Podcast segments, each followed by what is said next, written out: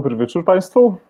Z tej strony, po norweskiej stronie, jak zwykle Jacek Borywek, Nordic Cricket Live. Po raz kolejny kłaniam się Państwu bardzo nisko. Mamy dzisiaj 15 lutego. Piękny dzień. Piękny dzień był dzisiaj tutaj w Norwegii. Mnóstwo słońca, mnóstwo, mnóstwo śniegu, a przede wszystkim bardzo dużo mrozu. Proszę Państwa, jeśli chodzi o mróz, to nasz dzisiejszy gość z tego powodu byłby pewnością bardzo, bardzo zadowolony. Ale zanim o naszym gościu, zanim zaprosimy go do studia, jak zwykle uprzejmie dziękuję wszystkim Państwu, którzy zdecydowali się dzisiaj być tutaj z nami i spędzić z nami swój wieczór. Oczywiście bardzo dziękuję tym osobom, które udostępniły informacje mm, o naszym dzisiejszym wydarzeniu i są to osoby zarówno prywatne, ale są to wszelkiego rodzaju grupy społecznościowe bądź instytucje. I są dzisiaj z nami Oswajamy Żewioły, jest z nami AWF Channel, są Morświry z Warszawy, mm, jest Wingeberg Polska, jest z nami mm, wiele grup morsujących w Polsce, w Norwegii, w Skandynawii i na świecie, jak się okazuje. Mm, mnóstwo osób prywatnych udostępniły wiadomo, informacje o dzisiejszym wydarzeniu. W związku z tym ponad 34 tysiące osób dowiedziało się o dzisiejszym spotkaniu. Dziękuję w sposób szczególny panu mm, Tomkowi Ruszerowi, któremu mm, muszę zawdzięczać dzisiejsze spotkanie, bo to on zaproponował właśnie naszego dzisiaj gościa do Mm, rozmowę w Nordic Trigget Live. A kto jest naszym gościem? Już y, teraz się, drodzy Państwo, mm, przekonacie. Mm, dobry wieczór, jak nas widać, jak nas słychać? Witam Ciebie, Walerian. No, witaj, witaj, Jacku. Cześć. Powiedz mi proszę, czy widzimy się dobrze i słyszymy się również nie najgorzej? Bardzo dobrze się widzimy, też się słyszymy, więc możemy rozmawiać. Fantastycznie, czyli pomost wideo między Polską a Norwegią i po raz kolejny Mm, udało się utrzymać i, i, i, jest technicznie wszystko ok. I oczywiście na samym początku witam wszystkich naszych widzów, którzy są dzisiaj już tutaj z nami. Za chwilkę do Was, drodzy Państwo, mm, dotrzemy i będziemy się z Wami przyjemnie witać. I jest nam z tego powodu bardzo miło, że dzisiejszy wieczór udało się mm, Wam dotrzeć do swoich komputerów, urządzeń przenośnych i właśnie ten wieczór z nami spędzić. No dobrze, to mm, zacznijmy może od tego, że mm, takich trochę informacji technicznych jest z nami dzisiaj, jak już powiedziałem, mm, doktor inżynier Walerian Romanowski, który jest nauczycielem akademickim, wykładowcą, mm, który wykładał i wykładał w mm, przynajmniej kilku polskich uczelniach. Jak to się stało, że akurat został nauczycielem akademickim, z pewnością mm, zapytamy za chwilę, ale przede wszystkim jest ekspertem związanym z technologią drewna, zajmuje się tymi kwestiami od wielu lat, ale też jest ekspertem y, w kilku innych dziedzinach, które są dla nas bardzo ważne. Przede wszystkim jest sportowcem, jest wyczynowcem, pobija rekordy Guinnessa i wraz ze swoim zespołem oswaja żywioły. Coś można więcej dodać? Znaczy, może ekspert to jest takie e, głośne słowo, więc po prostu tym się zajmuję, to mnie fascynuje e, i to sprawia mi przyjemność i mi się wydaje, że mm, coraz bardziej poznajemy tę dziedzinę, jak zimno działa na nasz organizm. Mhm. No i właśnie dzisiejsze spotkanie w ramach rozmów o bezpieczeństwie w Nordic Triget. Walerian, dzisiaj właśnie o tym bezpieczeństwie w niesprzyjających warunkach otoczenia. Ale zanim to, to ja bym chciał Ciebie zapytać, czym dla Ciebie jest mm, bezpieczeństwo? Jaka według Ciebie jest definicja bezpieczeństwa? Znaczy, no, tą definicję można mieć bardzo prostą. To znaczy, w wszystkich tych projektach, których realizujemy, stawiamy duży nacisk, żeby mieć przez cały czas kontrolę nad tym, co robimy. Żeby dana sytuacja się nie wymknęła spod kontroli. I uważam, że to jest taka już pełna definicja. Jak mamy kontrolę i mm, jesteśmy w stanie sterować tymi wszystkimi procesami, które zachodzą w organizmie, no to jest, jest dobrze. I pomimo, że mieliśmy różne projekty, projekty nawet w temperaturach minus 170 stopni, to żadna osoba z mego zespołu nie ma obrażeń stałych na organizmie.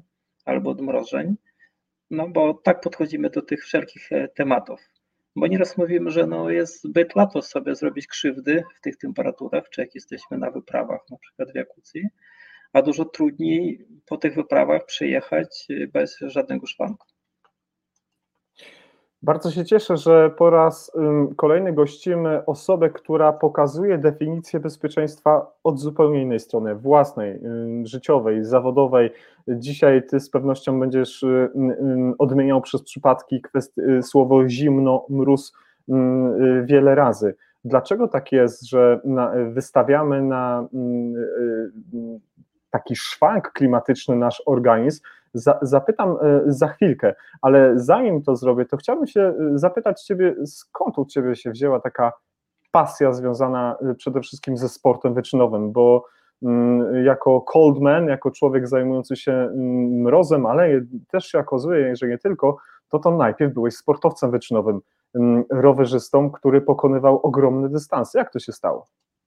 To może zaczęło się od tego, jak zdobyłem pierwszy raz medal na Mistrzostwach Polski w kolarstwie kategorii Masters i wtedy miałem 25 lat. I wtedy mi uświadomiono, że jestem za stary już na sport wyczynowy, że y, kariera się nie zaczyna, jak się ma 25 lat. I wtedy miałem takie lekkie zdziwienie, bo pierwszy raz w życiu ktoś mi powiedział, że jestem już stary, mając taki wiek. I dlatego zmieniłam dyscyplinę. Zaczęłam startować w ultramaratonach u y, Cezarego Zamany, w wyścigach dobowych. Mm, przez kilka lat uczyłem się mm, jakby swego organizmu. Chciałem zrozumieć, jak on funkcjonuje, jak z nim należy pracować. I ta nauka się skończyła na tym, że wygrałem ten wyścig, wygrałem wyścig Open. Mm, I później zauważyłem, albo doszedłem do tego, że to ściganie z innymi zawodnikami jest zbyt proste, zbyt przewidywalne. Wiadomo, można mieć dobrą kondycję, można danego zawodnika rozpracować psychicznie i dlatego postanowiłem rywalizować samym sobą. I zacząłem pobijać rekordy Guinnessa, pobiłem kilka rekordów Guinnessa i później też znowu mi się pokazało, że no to też jest przewidywalne. Jest pewien dystans, jest jakiś zawodnik, który rekord Guinnessa ustawił i muszę go teraz pobić. I dlatego dodałem jeszcze jeden czynnik, e, utrudniłem sobie, dodawając żywioł, jako mróz, bo wiedziałam, że z przyrodą, żywiołem nie da się wygrać, że jednak, e, że tylko możemy pozwolić na to, żeby on nas nie pokonał. I dlatego zacząłem rywalizować z mrozem, zimnem. No i powstawały takie projekty, które były związane właśnie z tym zimnem.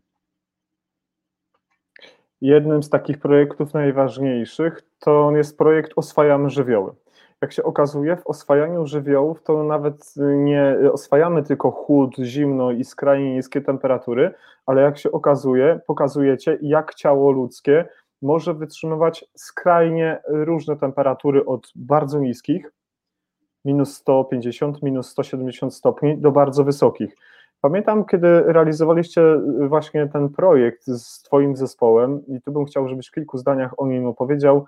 Założyliście sobie, żeby pokazać jak ciało zachowuje się w takich rozpiętościach temperaturowych. Powiedziałeś wtedy, że mm, nawet nie wiemy, jak, na jak wiele stać nas organizm. No właśnie, na jak dużo stać organizm w takich skrajnie mm, niekorzystnych temperaturach? Latem miałem taki rekord, w którym postanowiłem sprawdzić, w jakich skrajnych y, warunkach jest w stanie funkcjonować nasz organizm i zaplanowałem taki projekt, gdzie jechałem na rowerze stacjonarnym przez dobę w skrajnych temperaturach.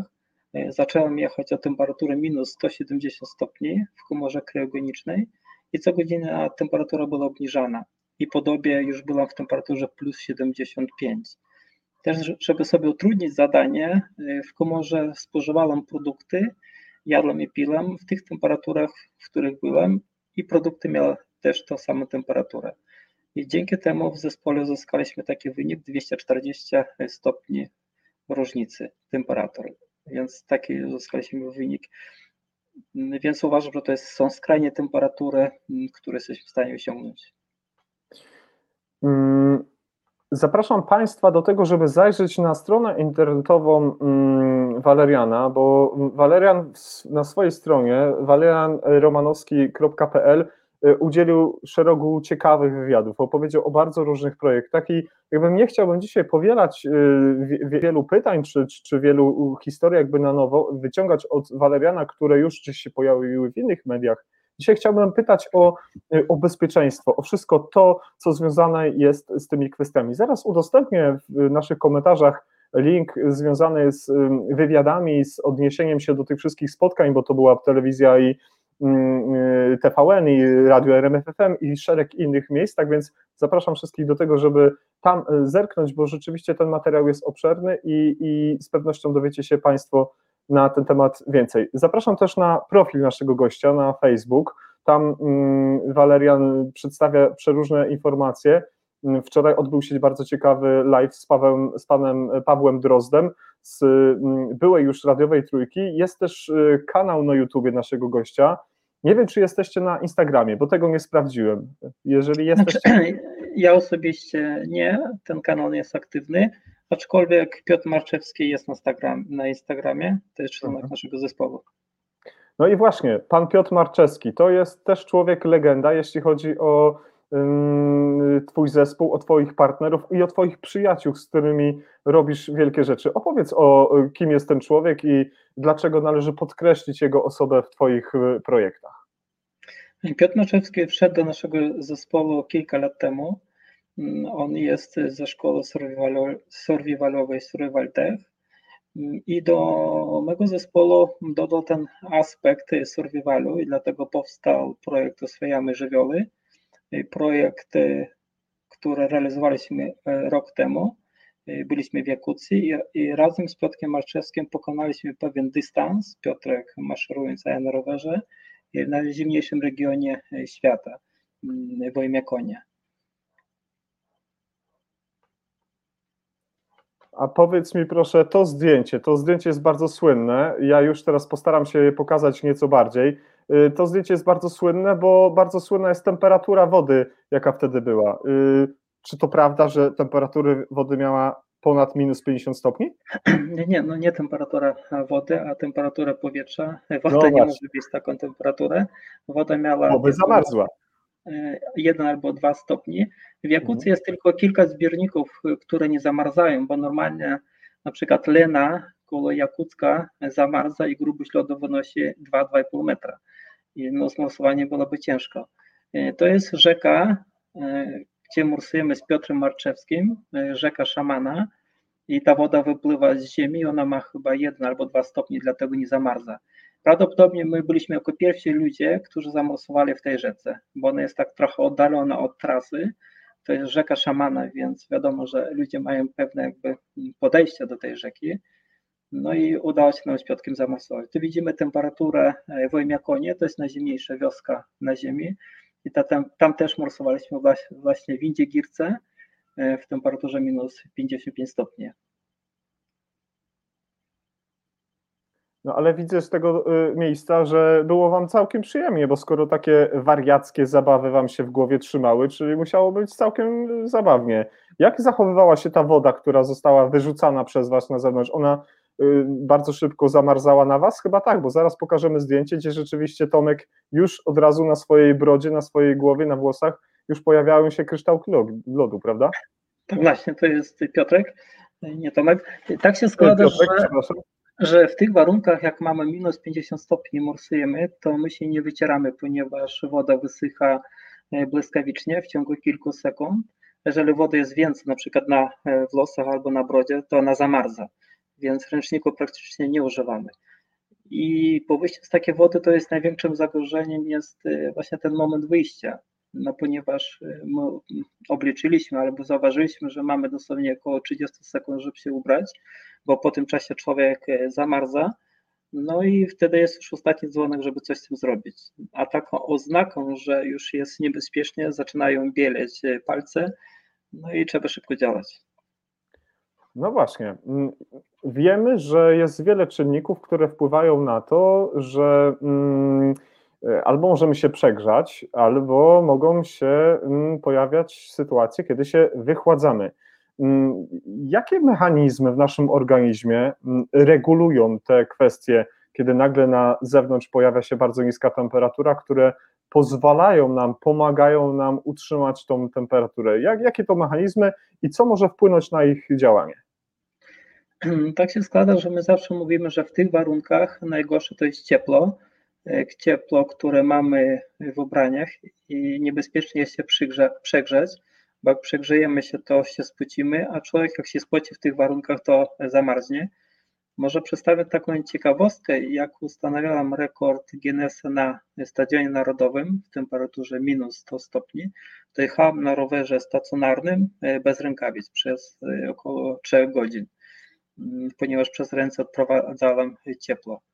Może taka druga e, ciekawostka, jak byliśmy w Jakucji, to my często pytaliśmy Jakutów, dlaczego oni się nie pocą.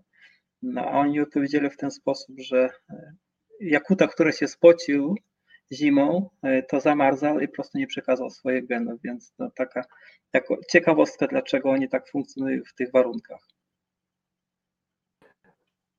Powiedziałeś nieraz e, i wiele osób z Twojego zespołu to podkreśla, że ciepło w takich mm, skrajnych miejscach jak Jakucja, jak Syberia zabija.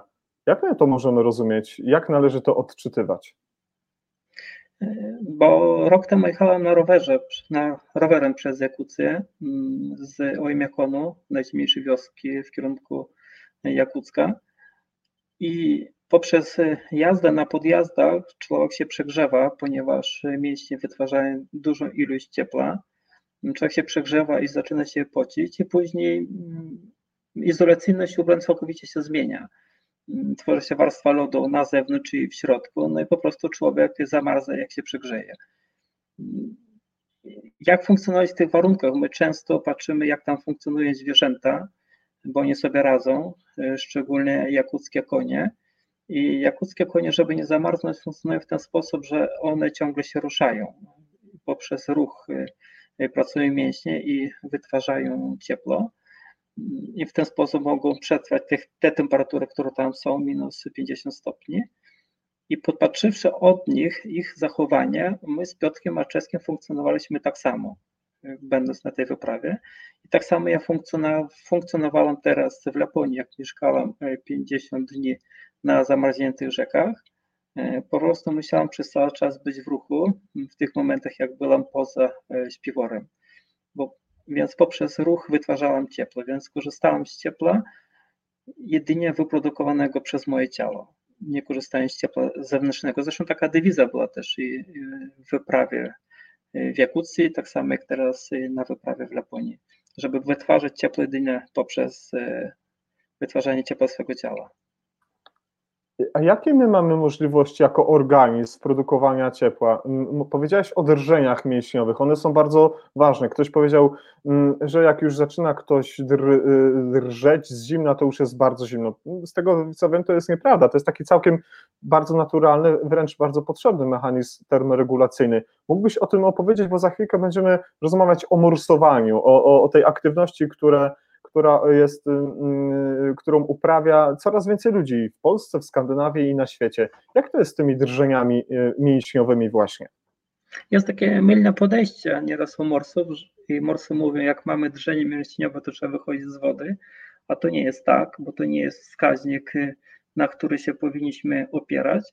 Jak my morsujemy i chcemy zrobić dobre czasy w wodzie, czy to godzinne, czy wielogodzinne, to my wychodzi, wchodzimy do wody już w takim stanie, jak już mamy drżenie mięśniowe. Wtedy organizm jest przygotowany na to, mm, żeby chronić to ciepło. Mm, teraz jak byłem w Laponii przez 50 dni na mrozie, a miałam najniższe temperatury minus 67 stopni, przez cały czas ani razu nie miałam drżeń mięśniowych. To znaczy, ja funkcjonowałam w ten sposób, żeby być zawsze krok przed tą sytuacją, kiedy mięśnie są zmuszeni do wytwarzania ciepła. Mm, po prostu wyprzedzałem ten, tą sytuację, kiedy mamy drżenie mięśniowe. Jak już jesteśmy w wodzie i mamy drżenie mięśniowe, to takim wskaźnikiem, że trzeba wychodzić, to właśnie jest temperatura ciała, a nie e, oznaka, że mięśnie drżą. A zresztą przez drżenie mięśniowe organizm stara się wyprodukować ciepło. No więc e, tak to funkcjonuje. Pozwól, że za chwilkę będziemy kontynuować ten wątek, ale bardzo mocno przywitamy się z naszymi widzami, których jest tutaj bardzo wielu. Będę y, wyświetlał te osoby na naszym ekranie. Jeżeli znajdziesz tam jakąś tobie znaną postać, czy znaną osobę, kto po prostu pomachaj i tym bardziej się przywitaj. Z nami są takie osoby jak pan Kamil Pawłowicz, jest już z nami pan Tomek Ruszer, którego pozdrawiałem na dzisiaj na samym początku. Takie osoby też Cię pozdrawiam, jak pani Agnieszka, pani Asza, jest z nami niesamowita Ania Spychała, miłośniczka gór, jest z nami pani Edita Litwa, wita, bardzo się cieszymy, że jest dzisiaj z nami. Są goście i z Polski, i, z, i ze Skandynawii, są goście z Belgii, jest, są goście mm, z Wilna, bardzo się cieszymy, są goście z Zielonej Góry, mm, jest ktoś z nami, mm, jest pani Klaudia, e, wróć, Klaudiusz Jankowiak, przepraszam bardzo. Bardzo się cieszymy, panie Klaudiuszu. Jest pani Ula Łodzińska, jest z nami osoba, która do nas macha, pani Maria Misiewicz, pani Anita Rybińska jest też z nami człowiek, którym w tym momencie musimy się zatrzymać i o nim opowiedzieć. Jak sądzę, jest z nami Marcin Błoński po tamtej stronie mocy, ukrył się za Medic Rescue Team. Wita nas, cześć i czołem oba łobuzy. Witamy Ciebie, Marcinie. No dobrze, jeżeli jesteśmy przy Medic Rescue Team, kto to jest dla Ciebie, Walerian? Dlaczego jest tak ważny? I opowiedz o Twojej współpracy, jeśli chodzi o, o, o, to, o, tych załogantów. Fantastycznych ludzi, a przypomnę tylko Państwu, że Michał Błoński był naszym gościem w trakcie y, y, y, Nordic Triget Live, gdzie mówiliśmy o bezpieczeństwie, wyprawach górskich i, i tych wszystkich kwestiach związanych z ratowaniem ludzkiego życia. Tak więc oddaję głos Walerianowi, żeby odniósł się do Medic Rescue Team teraz. To znaczy Marcin Błoński, nie Michał. Znaczy uważam, że to są wyjątkowi ludzie. Zawsze mylę, zawsze mylę, zawsze mylę. Nie wiem, czy mogę w ten sposób powiedzieć, ale e, uważam, że są jakby członkami naszego zespołu. E, zespół Medic Rescue Team był z nami ostatnio na wyprawie w Jakucji. Jak my realizowaliśmy swój projekt z Piotkiem Marczewskim, to oni mieli asekurację, żeby nam się nic nie wydarzyło. I też chciałbym zaznaczyć, że to są chyba jedyni ratownicy medyczni, mm, którzy otwarcie wchodzą w nasze projekty, nie obawiając się tych projektów, chociaż nieraz one wyglądają bardzo trudne i wymagające. Po prostu mi się wydaje, że Marcin widzi, że jednak mamy kontrolę na tym, co robimy, że nie jesteśmy, można powiedzieć, wariatami, że mamy kontrolę i wszelkie projekty, rekordy one, oni zabezpieczają. Więc wojenkowie ludzie, zespół, który wie co robi, więc dzięki takim ludziom w swoich projektach naprawdę możemy zrobić trochę więcej i pójść o ten krok dalej. Hmm. trzeba pamiętać, że ta granica czym dalej, tym jest bardziej cieńsza, więc oni zabezpieczają, żebyśmy tą granicę nie przekroczyli. Y, no to dobrze, to pojawia mi się takie pytanie, które jest stricte ode mnie. Za chwilkę będziemy zapraszać Państwa do rozmowy i będziemy czekać na te pytania ode mnie, ale Ty bardzo często pod, e, opowiadasz w wywiadach, przedstawiasz w swoich wypowiedziach, wykładach, prelekcjach, że nasz organizm, organizm ludzki ma znacznie większy potencjał niż nam się wydaje. No to jaki tak naprawdę ludzki organizm ma potencjał? No to może to jest bardzo szerokie pytanie, no to pytanie można odpowiadać kilka godzin, więc to jest tak. pytanie, temat naszej dzisiaj, dzisiejszej prezentacji. Wiadomo, że ten potencjał jest większy, aniżeli nam się wydaje, a to my pokazujemy w swoich projektach, bo współczesny człowiek po części zatracił te jakby swoje funkcje, funkcje, które dotyczą termoregulacji, tą sprawność fizyczną, no dlatego, że no, współczesny człowiek w dużym stopniu nie musi się wysilać albo aby korzystać z tych funkcji. Inaczej było na przykład kilkaset lat albo kilka tysięcy lat temu, więc jak wrócimy pizmetyczny raz do tyłu, to ludzie podobnie funkcjonowali jak ja byłam w Laponii. I to jest możliwe. Po prostu teraz jest takie zdziwienie, że my robimy takie rzeczy, a to jest możliwe i pokazujemy, że to jest możliwe, że nasz, naszemu organizmowi na to stać. I warto z tego korzystać no bo ten potencjał taki jest. Czy z każdego, z jednego projektu na kolejny, z kolejnej wyprawy na kolejną mm, zauważasz, czy zauważacie, że ten potencjał jeszcze wzrasta, jeszcze, czy doszliśmy już do takiego etapu, że potencjał ludzkiego ciała zatrzymał się w takim miejscu, gdzie już nie jesteśmy w stanie dalej pójść? To nie jest tak, że osiągnęliśmy jakąś granicę i, i uważamy, że jej nie możemy przekroczyć Pamiętam swój pierwszy trening z Piotkiem Marczewskim e, w komorze kryogenicznej u nas w Busku, w sanatorium Włókniarz.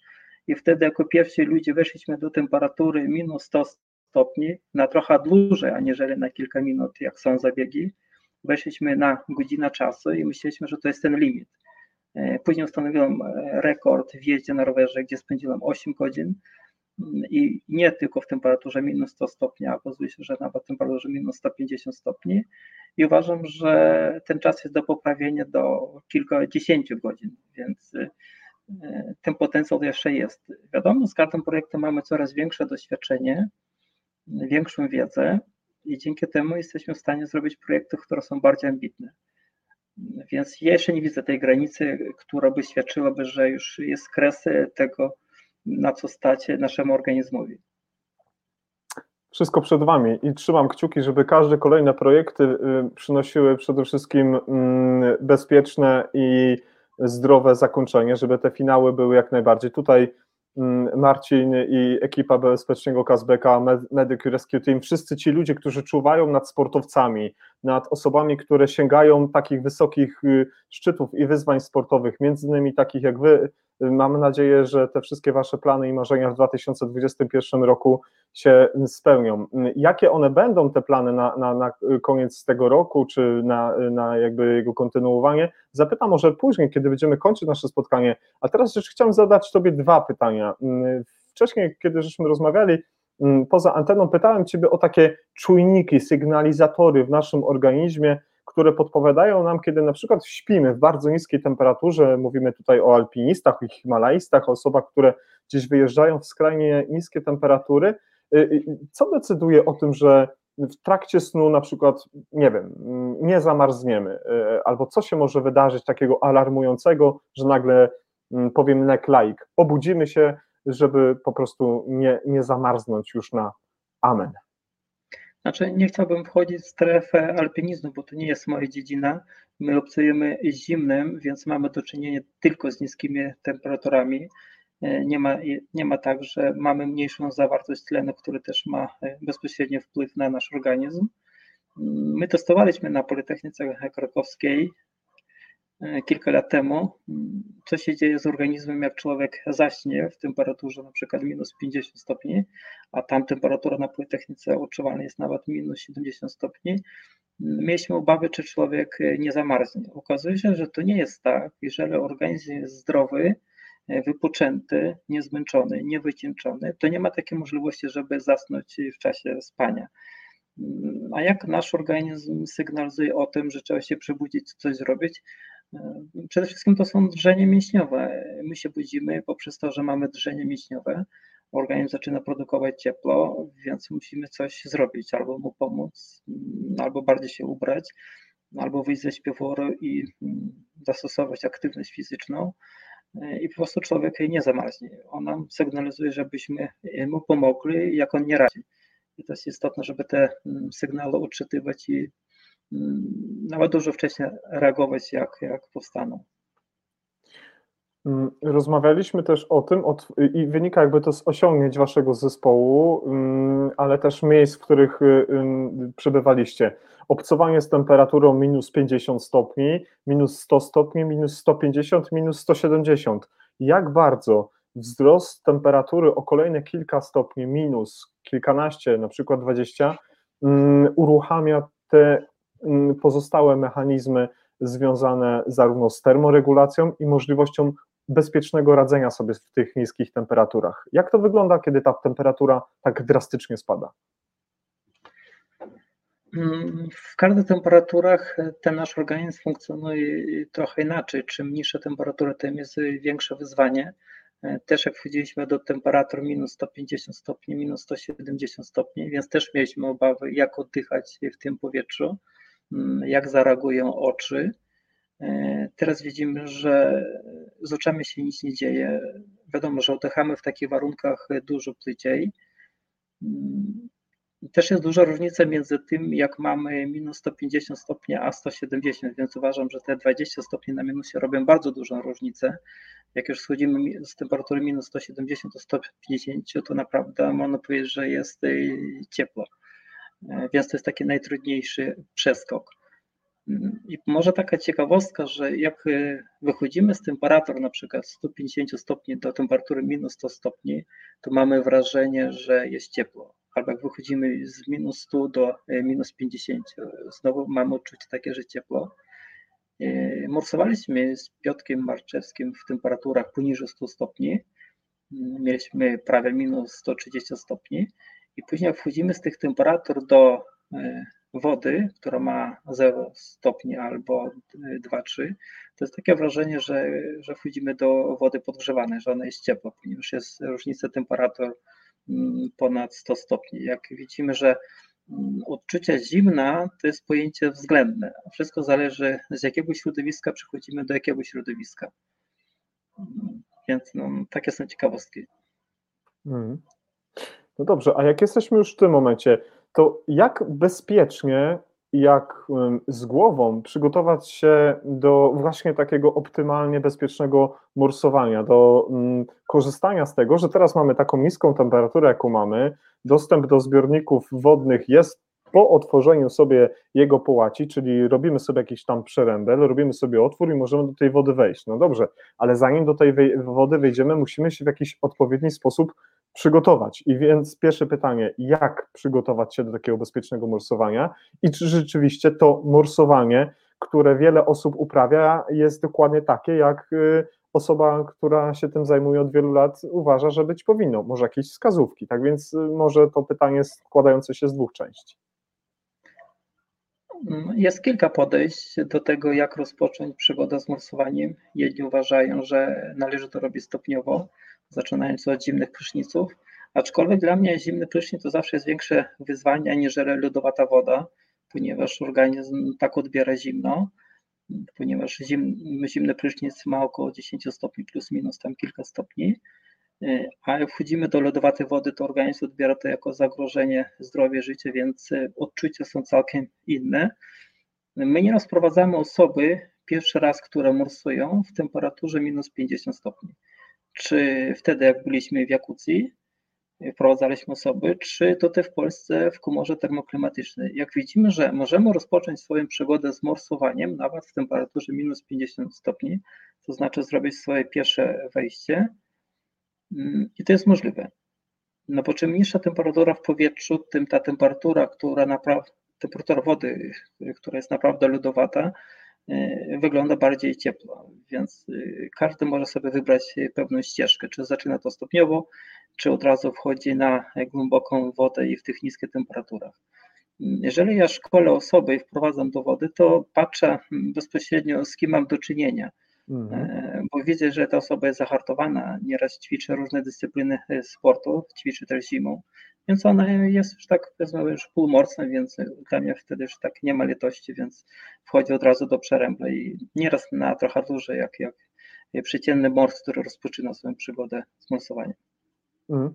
To mm, jakie są absolutne przeciwwskazania zdrowotne do eksponowania naszego organizmu, naszego ciała na te skrajne temperatury. Mówimy zarówno o tych bardzo niskich, które już nieraz były mm, y, y, testowane przez Was, no ale też bardzo wysokie, kiedy mówiliście y, o tym projekcie, gdzie nagle z komory, mm, gdzie było minus 70, wchodziliście do, do, do, wchodziłeś do sauny, gdzie temperatura bardzo była wysoka i rozpiętość, różnica tych temperatur było na poziomie 240, tak? Dobrze pamiętam? Tak, tak, 240 stopni. To, i, i, więc chciałbym tu powiedzieć z punktu widzenia bezpieczeństwa, komu nie można dedykować tego typu aktywności, bo jest to dla niego po prostu niebezpieczne. No wiadomo, nie mówimy o takiej aktywności, którą my uprawiamy, wchodząc do takich temperatur, do których my wchodzimy, bo trzeba pamiętać, że za nami to są lata przygotowań, treningów. Mm, posiadamy też doświadczenie i wiedzę.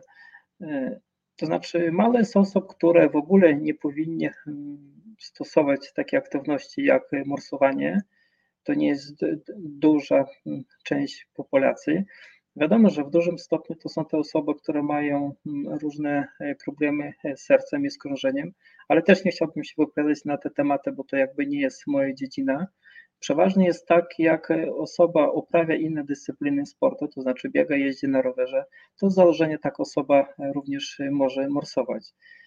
to nie jest tak, że każda osoba, która chce rozpocząć swoją przygodę z morsowaniem, to musi mieć dokładne badanie lekarskie. Więc jak ona się czuje, że jest zdrowa, uprawia inne dyscypliny, więc jak najbardziej może wejść i takie osoby wprowadzamy. Wiadomo, jak ktoś ma jakieś wątpliwości co do swojego zdrowia, to warto się przebadać, ale na pewno warto się przebadać osobom, które mają jakiś tam już swój wiek, są starsze po chorobach. E, aczkolwiek uważam, że jest część osób, które mogą morsować, znaczy mm, tylko trochę na mm, inny sposób, taki sposób bardziej delikatny, bo znamy też i morsują osoby, które mają i astmę, które mają też arytmię serca, więc jak widzimy, że jest bardzo mała część osób, które w ogóle nie mogą morsować. Y, a jeśli chodzi o warunki niesprzyjające, pozwól, że zajrzymy dziś, y, teraz do prognozy pogody. W najmroźniejszym miejscu na Ziemi jest teraz y, prognoza pogody sprzed godziny. Minus 43 stopni, odczuwalna minus 38, czyli odczuwalna jest nieco mniejsza. Ciśnienie jest dosyć dobre, bo mamy 1024 hektopaskali, mamy niewielki wiatr. I powiedz mi teraz, zastanawiają mnie dwie rzeczy dlaczego jest minus 43 stopnie realnej temperatury na słupku termometra, a odczuwamy znacznie, znacznie mniej, bo tylko minus 38 stopni. Czy to przez tę niewielką ilość wiatru, jaka tutaj się znalazła? My teraz mówimy o Ojmiakonie. Mhm. To jest taka wioska najzimniejsza na świecie, gdzie mieszkają ludzie, albo region Ojmiakoński. A wioska jest najzimniejsza dlatego, że ona leży w dolinie, a naokoło są góry i tam nie ma żadnego wiatru, tam jest cisza i dlatego jak byliśmy z Piotrkiem Marczewskim e, w tych okolicach, jak jechał na rowerze Piotrek maszerował, to wystarczyło się zatrzymać, jak się patrzyło na tą przyrodę, to się patrzyło tak jak na widokówkę, nic się nie rusza, nie ma wiatru, tylko słychać bicia serca, tętna, jak skrzypi śnieg pod nogami. Dlatego ta temperatura uczuwalna jest trochę inna, jakby wyższa. No ale to jest takie zludne. To wygląda, że ta przyroda jest taka przyjazna, przyjemna, ale my zawsze mówimy, że ta przyroda tylko czeka, kiedy zrobimy jakiś tam błąd i ona to wykorzysta. Więc jak nie było, nadal jest tam minus 43 stopnie. I wyjęcie na przykład rąk z rękawic na kilka minut powoduje, że za chwilę możemy mieć odmrożenie, więc musimy się pilnować. To jest takie zludne, ta przyroda jest piękna, ale trzeba uważać. Y, przenosimy się szybciutko do normalniejszych warunków, to jakie najczęściej popełniamy błędy w trakcie obcowania z niskimi temperaturami, w trakcie morsowania, które mogą skończyć się dla nas, um, użyję najprost, naj, najbardziej łagodnego słowa, no, mniej przyjemnie?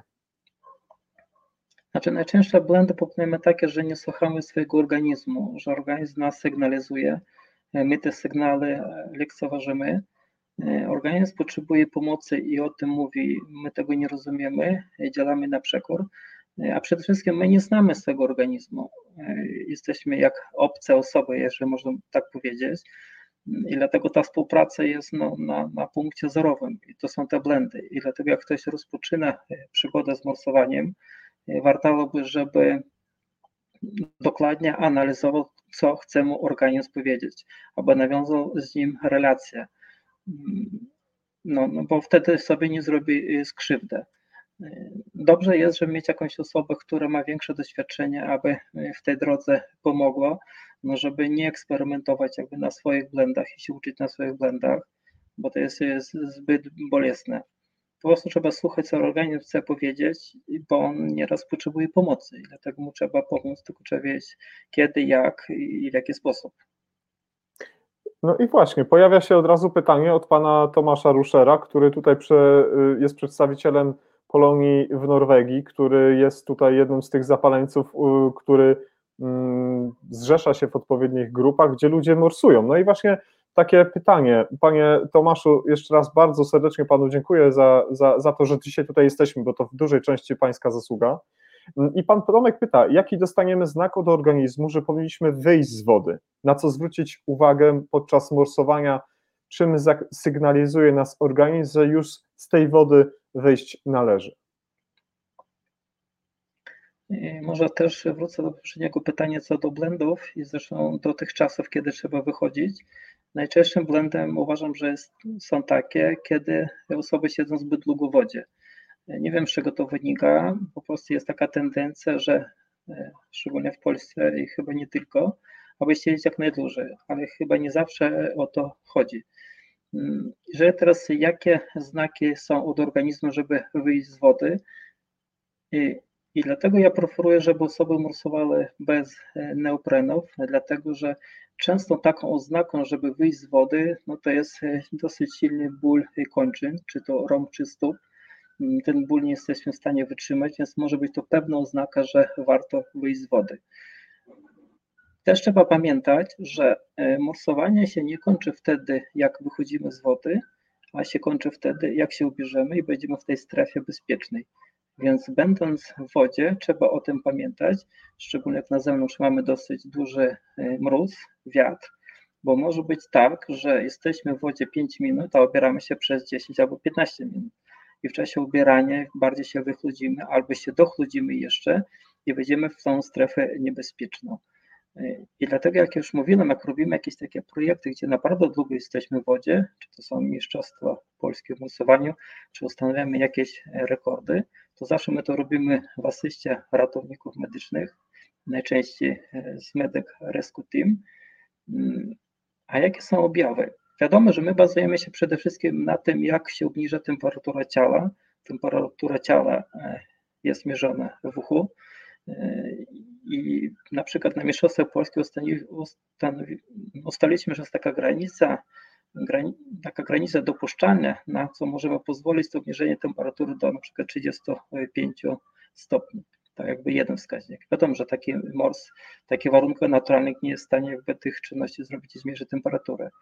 Druga taka objawa no to jest świadomość danej osoby. Trzeba zrozumieć, jak organizm zaczyna funkcjonować, jak z tego pierwszego stopnia hipotermii przechodzimy w ten drugi stopni, więc organizm egoistycznie podchodzi do naszego organizmu i zaczyna odcinać pewne funkcje. To znaczy mm, racjonalne mówienie, język zaczyna się plątać, bo wiadomo, że ta funkcja mowy nie jest niezbędna do funkcjonowania, do przeżycia, dlatego organizm nasz to odcina. Później ta świadomość zaczyna być niepełna, nie do końca wiemy, gdzie jesteśmy, jak długo jesteśmy, jaki jest dzień, więc taka osoba, która siedzi obok, na podstawie tych sygnałów powinna zareagować. No z warunkiem, że ta osoba nie siedzi tak długo jak ta osoba pierwsza, bo się okazać, że te osoby wchodzą w ten drugi stopień hipotermii wychłodzenia i nikt tego nie zauważy. Więc to są takie objawy.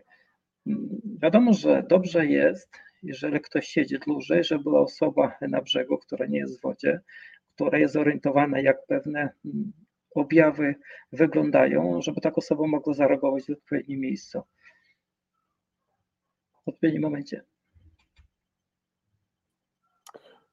Będą się przewijały zdjęcia w trakcie Twojego wykładu i ja będę chciał do nich też się odnieść, aczkolwiek padają tutaj pytania nadal, więc ja nie, nie mogę tego nie zrobić, żeby ich nie tutaj nie zamieścić. Pytanie kolejne od Pani Uli Łydzińskiej. Pani Ulu, bardzo serdecznie Panią witam i pozdrawiam również bardzo ciepło. I Pani Ula pyta, jaki czas przebywania zimnej wodzie jest najbardziej optymalny dla uzyskania korzyści prozdrowotnych? Takie pytanie od Pani Uli. Na pewno to nie jest czas jednakowy dla wszystkich osób, ale do wody lodowatej nie zawsze wchodzimy po to, żeby mieć powiedzmy to zdrowie fizyczne. Nieraz wchodzimy, żeby mieć to zdrowie psychiczne, a uważam, że to zdrowie psychiczne nawet jest ważniejsze i dlatego nieraz warto być w wodzie dłużej ponieważ człowiek mm, jakby przezwycięża swoje lęki, obawy, widzi, że potrafi zrobić więcej. Mm, ja ostatnio preferuję takie morsowanie dosyć krótkie i intensywne i dlatego moje morsowanie często trwa około dosłownie 5 minut. E, to znaczy przed wejściem mam wiaderko lodowatej wody, e, które wylewam na głowę, dzięki temu wzrasta ciśnienie, wzrasta temperatura mm, ciała, wchodzę do wody, zanurzam głowę i po kilku minutach wychodzę. Więc wracając do pytania, jest to e, kwestia indywidualna dla każdej osoby, ale uważam, że e, kilka minut e, wystarczająco mm, i wystarczy. Powiedzmy to nawet od minuty do pięciu minut. Po, pojawiło, pojawiło się kolejne mm, mm pytanie. Pani Renata Monik tak bym mógł powiedzieć, nie jestem biegły w francuskim. Walerian wspomniał kiedyś, że na odmrożenia organizm reaguje stanem zapalnym, by zregenerować tkankę. Jak to dokładnie działa? Takie jest pytanie od pani Renaty. Jak morsowaliśmy w Jakucy z Piotrkiem Marczewskim i nieraz było tak, że lekko się mm, człowiek przesadzi, albo nie, nie mieliśmy aż takiego jeszcze doświadczenia i za chwilę widzimy, że palce zaczyna, zaczynają bieleć, wiadomo, że wtedy szybko się wybieramy, idziemy do samochodu, wracamy do budynku i jak przesadzimy, to mm, jak e, wraca krążenie, to odczuwamy wtedy taki ból fizyczny, dosyć mocny w kończynach. Jest to dobra oznaka, ponieważ e, w ten sposób organizm jakby mm, obronnie reaguje na ten stan, który powstał. Mm, krążenie się zwiększa w tych e, jakby tkankach lekko uszkodzonych. I co wtedy zrobić? Wiadomo, że wtedy można sobie lekko pomóc schładzając kończyny. Aczkolwiek w takim stanie my też e, morsowaliśmy e, na drugi dzień, na trzeci dzień, tylko to morsowanie wtedy wygląda e, krócej, bardziej asekuracyjnie, już nie narażamy kończyny na zewnątrz.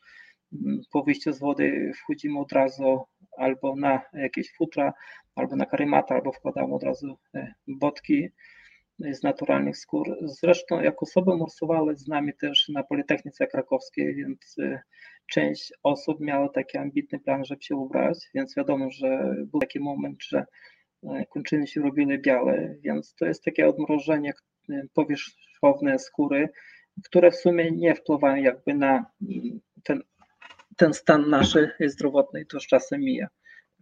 Jest lekki ból, ból po kilku dniach zanika, później w tych miejscach schodzi skóra, no i po kilku tygodniach możemy normalnie funkcjonować. Y, mamy nadzieję, Pani Renato, że, że wszystko do Pani tutaj elegancko między Polską, Norwegią, a miejscu, w którym Pani jest, dotarło. Serdecznie Panią pozdrawiamy i taki bardziej mm, komentarz od Pani Marty Baj. To dzięki Waleriano, Walerianowi przełamuje moje kolejne granice zimna. Dziękuję Ci za to. Taka informacja od Pani Marty. Mm, kolejna mm, komentarz, kolejny tekst Ewelina Anetka, pani Ewelina Anetka napisała, w tym sezonie zaczęłam od września, ponieważ chciałam to robić bez zbędnego ekwipunku, y, mocząc ręce. Mm, dopóki mogłam moczyć ręce, siedziałam dłużej, teraz stosuję zasadę siedzę w wodzie krócej, ale za każdym razem moczę głowę raz lub dwa razy, zależy od temperatury na zewnątrz. Moczenie głowy jest bardzo dobre dla zahartowania. Y, może Walerian, jakiś komentarz do tego? Znaczy może wrócę do Marty Baj, ona z nami morsowała w komorze e, termoklimatycznej na Politechnice Krakowskiej, więc na pewno to było ciekawe przeżycie. Później zrobiła z tego mm, taki ciekawy reportaż, w którym opowiedziała, jakie to są przeżycia, jakie to są emocje. Zresztą z tego co pamiętam, Marta też miała lekkie, no właśnie na tym zdjęciu, z tego co widać, aczkolwiek trudno rozpoznać twarzy, jest Marta E, więc też chyba z tego co pamiętam miała lekkie odmrożenie e, skóry na dłoniach, no ale to z czasem po kilku dniach mija. Jeżeli mówimy o zanurzaniu głowy, e, czym się różni morsowanie, kiedy nie zanurzamy głowy, a zanurzamy? Bo jak zanurzymy głowę, to już mamy taki większy bodziec i wtedy organizm wykorzystuje jakby ten cały potencjał swój, i uruchamia cały, bo jak nie, nie zanurzymy głowy, to ten potencjał jest jakby tam jeszcze zachowany na taką sytuację, kiedy będzie sytuacja trudniejsza. Więc jak najbardziej zanurzamy głowy.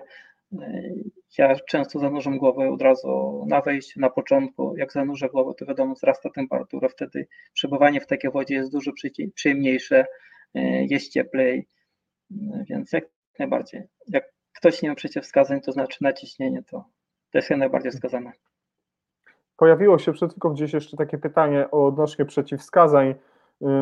Wspomniałeś y, drugą podsumowania, że warto się przebadać, warto zapytać też y, chyba lekarza, tak naprawdę, czy stan zdrowia, czy ewentualnie choroby, jakie mamy, y, nie stoją na przeszkodzie, żebyśmy rozpoczęli tę przygodę i w jakiś sposób również y, y, leczenie naszego organizmu, bo słyszałem takie opinie, że niskie temperatury, obcowanie z niską temperaturą to jest jeden ze sposobów wspomagania organizmu, wspomagania układu odpornościowego, a w takich obecnych czasach, kiedy ta odporność jest bardzo ważna, no, ma to ogromne znaczenie.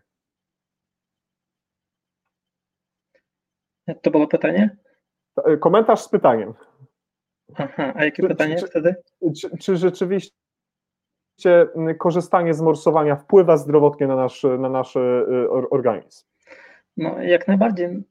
Dlaczego tak, tak się dzieje z naszym organizmem? Bo jak wychodzimy z tej strefy jakby e, komfortu, to organizm bardziej się mobilizuje.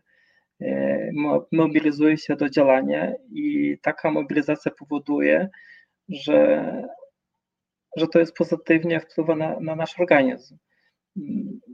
I dlatego, jak ja widzę po sobie i po osobach z mojego zespołu, no praktycznie ja mieszkam 25 lat, 5 lat w Polsce, ani razu nie chorowałem, nie byłem u lekarza, nie wiem jak mój lekarz wygląda, więc jak najbardziej warto się hartować, mm, korzystać z tego, że e, dostęp do wody jest powszechny i zawsze możemy wejść do tej lodowatej wody. Po, pojawiło się również pytanie od pani Agu Akte, która, którą bardzo serdecznie przede wszystkim pozdrawiam i pani e, Agu pyta, Walerian Romanowski, czy jest duża różnica pomiędzy wylaniem wiadra na głowę przed wejściem, a daniem nura na wejściu? I tu znak zapytania. No to pozdrawiam Agnieszkę z Morświrów, to jest za- założycielka klubu Morświry na Jeziorku Czernikowskim, też z nami morsowała w temperaturze minus 50 stopni. A jaka jest różnica? E, Bo nieraz jest tak, że możemy stosować tą metodę wylania wiaderka na głowę i tą samą tylko metodę, bo na przykład ktoś mieszka gdzieś tam w bloku, e, wystarczy wystawić takie wiaderko na zewnątrz, z rana wychodzimy albo o innej porze dnia, wylewamy wiaderko i na tym kończymy. Wylanie wiaderko powoduje, że to jest bardzo mocny, mocny bodziec dla naszego organizmu i przez e, krótki moment, ale intensywnie e, się podnosi temperatura ciała, tak samo i e, wzrasta ciśnienie krwi. I to działanie podniesienia temperatury ciała no, pozytywnie wpływa na nasz organizm. Mi się wydaje, że to wylanie wiaderka jest trudniejsze aniżeli zanurkowanie od razu, jak wchodzimy do wody. Dlaczego tak jest? No, bo żeby dać nura, no wiadomo, musimy wejść tak po części już do wody, przynajmniej do kolana, no i wtedy nurkujemy, więc jak wchodzimy do wody i mamy już kontakt z lodowatą wody, wodą, to organizm już się zaczyna przygotowywać. A takie wiaderko powoduje, że to jest bardzo duże zaskoczenie dla naszego organizmu. Mm, To jest taki szok, stres i to jest taki stres, y, pozytywny, więc jak najbardziej zachęcam w ramach, w ramach rozgrzewki, y, zamiast rozgrzewać mięśnie, wyleć lodowatą wodę na głowę. Taką metodę na przykład jak byłem przez cały czas w Laponii. Mhm. Dziękujemy bardzo za, za odpowiedź. I tutaj było przed chwilką, przed chwilką takie bardzo ciekawe pytanie, które też chciałbym, żeby mm, spotkało się z dużym, mocnym komentarzem ze Twojej strony. I pytanie jest od pana Klaudiusza Jankowiaka. Panie Klaudiuszu, machając do pana bardzo intensywnie, pozdrawiam również pana bardzo. Walerian, co myślisz o suchym morsowaniu? Ekspozycja na zimno odsłoniętego ciała, na przykład mm, śnieżka w shortach. No, Klaudiusz to jest wyjątkowa osoba, która mm, ciągle towarzyszy nam w naszych projektach. Morsowała też w komorze na Politechnice Krakowskiej. To jest jedyna osoba z nielicznych, która się obrała w tej komorze e, za trzecim podejściem. E, Co ja myślę o morsowaniu takim suchym? Wiadomo, że to też jakaś jest aktywność fizyczna i obcowanie zimnem. Nieraz ja robię w ten sposób, że jak mieszkam w Busku, to na morsowanie idę w podkoszulku, e, dosyć szybkim marszem, później morsuję i wracam do domu, y, też w podkoszulku. Mm, Jest to y, w pewnym sensie trening, ekspozycja y, ciała na, na zimno, Mm, ale ja część, mm, raczej bym zalecał robić takie zakładki, że w jednym dniu robimy na przykład morsowanie, a w drugim dniu robimy spacer w ubraniach, powiedzmy, w podkoszulku. Ale też widzę, że jest taka tendencja, że e, ludzie, ludzie nadużywają te spacery e, w podkoszulku, że ten spacer trwa zbyt długo. Nieraz niektórzy myślą, że jak będą spacerować przez cały rok i przez cały czas w podkoszulku, no ta odporność będzie ciągle się zwiększać, a to nie jest tak. E, Po wyprawie z Laponii widzę, że jak byłem przez cały czas na mrozie, przez 50 dni, 24 godziny na dobę, wiadomo, że dla organizmu to był duży stres i jednak mm, mm, odporność organizmu u mnie się zmniejszyła, nie zwiększyła się, dlatego trzeba znaleźć ten kompromis mm, między tym, kiedy jest rozwój, a kiedy ten rozwój się cofa. Porównałbym to do treningu fizycznego, jak ktoś trenuje, czy to biegi, czy kolarstwo. Nie możemy sobie pozwolić na to, że codziennie będziemy trenować po ileś tam godzin, kilkanaście godzin i ta kondycja nam ciągle będzie rosnąć. Więc możemy w pewnym sensie przetrenować, a przetrenowanie to jest dużo gorsze, aniżeli nie do, do trenowania. Bo jak jesteśmy niedotrenowani, to zawsze łatwo dołożyć i kondycja wzrośnie gorzej, jak przetrenujemy, to nieraz trzeba kilka miesięcy, żeby się zregenerować. Więc aby po prostu nie przesadzać w tym, mm, albo aby ten czas, kiedy już nie jesteśmy na zimnie, jednak spędzać w cieple, żeby organizm mógł się zregenerować. I u mnie jest taka zasada, czym dłużej morsujemy, czym bardziej jesteśmy narażeni na zimno, tym więcej musimy mieć czasu na regenerację w tych wyższych temperaturach. Mhm. Dziękujemy bardzo. I teraz pan e, Robert Krystek, y, którego również y, witamy i dziękuję panie Robercie, że dzisiaj znalazł pan dla nas dzisiaj troszeczkę czasu. Pyta, czy to bezpieczne, aby ośmiolatek mógł morsować i ewentualnie jak taki młodzieniec, adept morsowania powinien się do tego przygotować, no i pewnie rodzice. Jak dobrze widzę, ośmiolatek, tak? Tak, 8. No tak się składa, że dzieci wchodzą do wody nawet mając mniej lat. Z tego co pamiętam, najmłodszy mors miał 3 lata, tylko że morsowanie u dzieci wygląda trochę inaczej. Dla dziecka to ma być zabawa, to jest jedno. E, ten pomysł ma wynikać i pochodzić od dziecka, nie od rodzica, bo rodzic tak chce. Więc jak najbardziej, jak wygląda morsowanie takiego dziecka? Nieraz ja robię w ten sposób, że biorę dziecko e, na ręce, wchodzę do wody i razem z nim się zanurzam na, na, tam, na kilka sekund i takie dziecko wychodzi z wody. Więc jak najbardziej jest to możliwe. Jak nieraz zobaczymy filmiki z i tam dzieci morsują właśnie w takim wieku, nawet przy przedszkolu, mają kontakt z tym zimnym, jak najbardziej. Tylko jak mówię, że to ma być pomysł dziecka, żeby dziecko nie zniechęcić, nie rodzica i niech dziecko na początku się bawi dosyć krótko, też żeby nie przesadzać z czasem, bo wiadomo, że ta termoregulacja u dziecka jest całkiem inna jak u osoby dorosłej. Jak najbardziej. Mhm. A powiedz mi, Walerian, teraz takie moje pytanie. Mm, czy morsowanie ma polegać na tym, że wchodzimy do wody i stoimy w tej wodzie jak taki spławik, tak? Czy wchodzimy do wody i mamy się w tej wodzie poruszać? Mamy w niej pływać, mamy mamy się ruszać, y, y, czy, czy, czy właśnie o to chodzi, że mamy stać ruch, y, nie ruszając się, nie wykonując żadnych czynności, czy mamy wejść do wody i, i jeżeli tylko taki duży przerębel żeśmy sobie wykopali, powinniśmy na przykład popływać. Znaczy, ja bym nie podchodził w ten sposób do tematu, co my powinniśmy robić, no bo co chcemy, to możemy robić w tej wodzie. Może bardziej chodzi o to, żeby to robić świadomie. Wiadomo, że e, najłatwiej to wejść do wody, e, wejść w neoprenach, e, częściowo się zanurzyć, więc wtedy ten bodziec będzie mniejszy i to jest łatwiej do wykonania. Dużo trudniej, trudniej jest wejść i w tej wodzie popływać, bo wiadomo, że te straty cieplne są całkiem inne. W dodatku powstaje bezpieczna sytuacja, bo w pewnym momencie mamy ruch fizyczny w wodzie, e, więc jakby to jest trochę inny poziom. E, poziom jest jakby trudniejszy aniżeli takie stanie.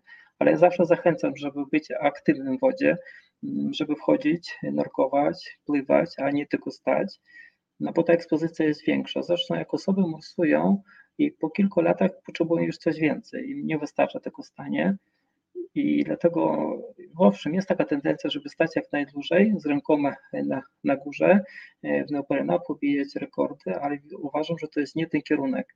Ja proponowałbym zanurzać jak głębiej, bez neoprenu, e, dodawać też aktywność taką, że w tej wodzie pływamy się poruszamy. To jest bardziej przyjemniejsze niż takie stanie.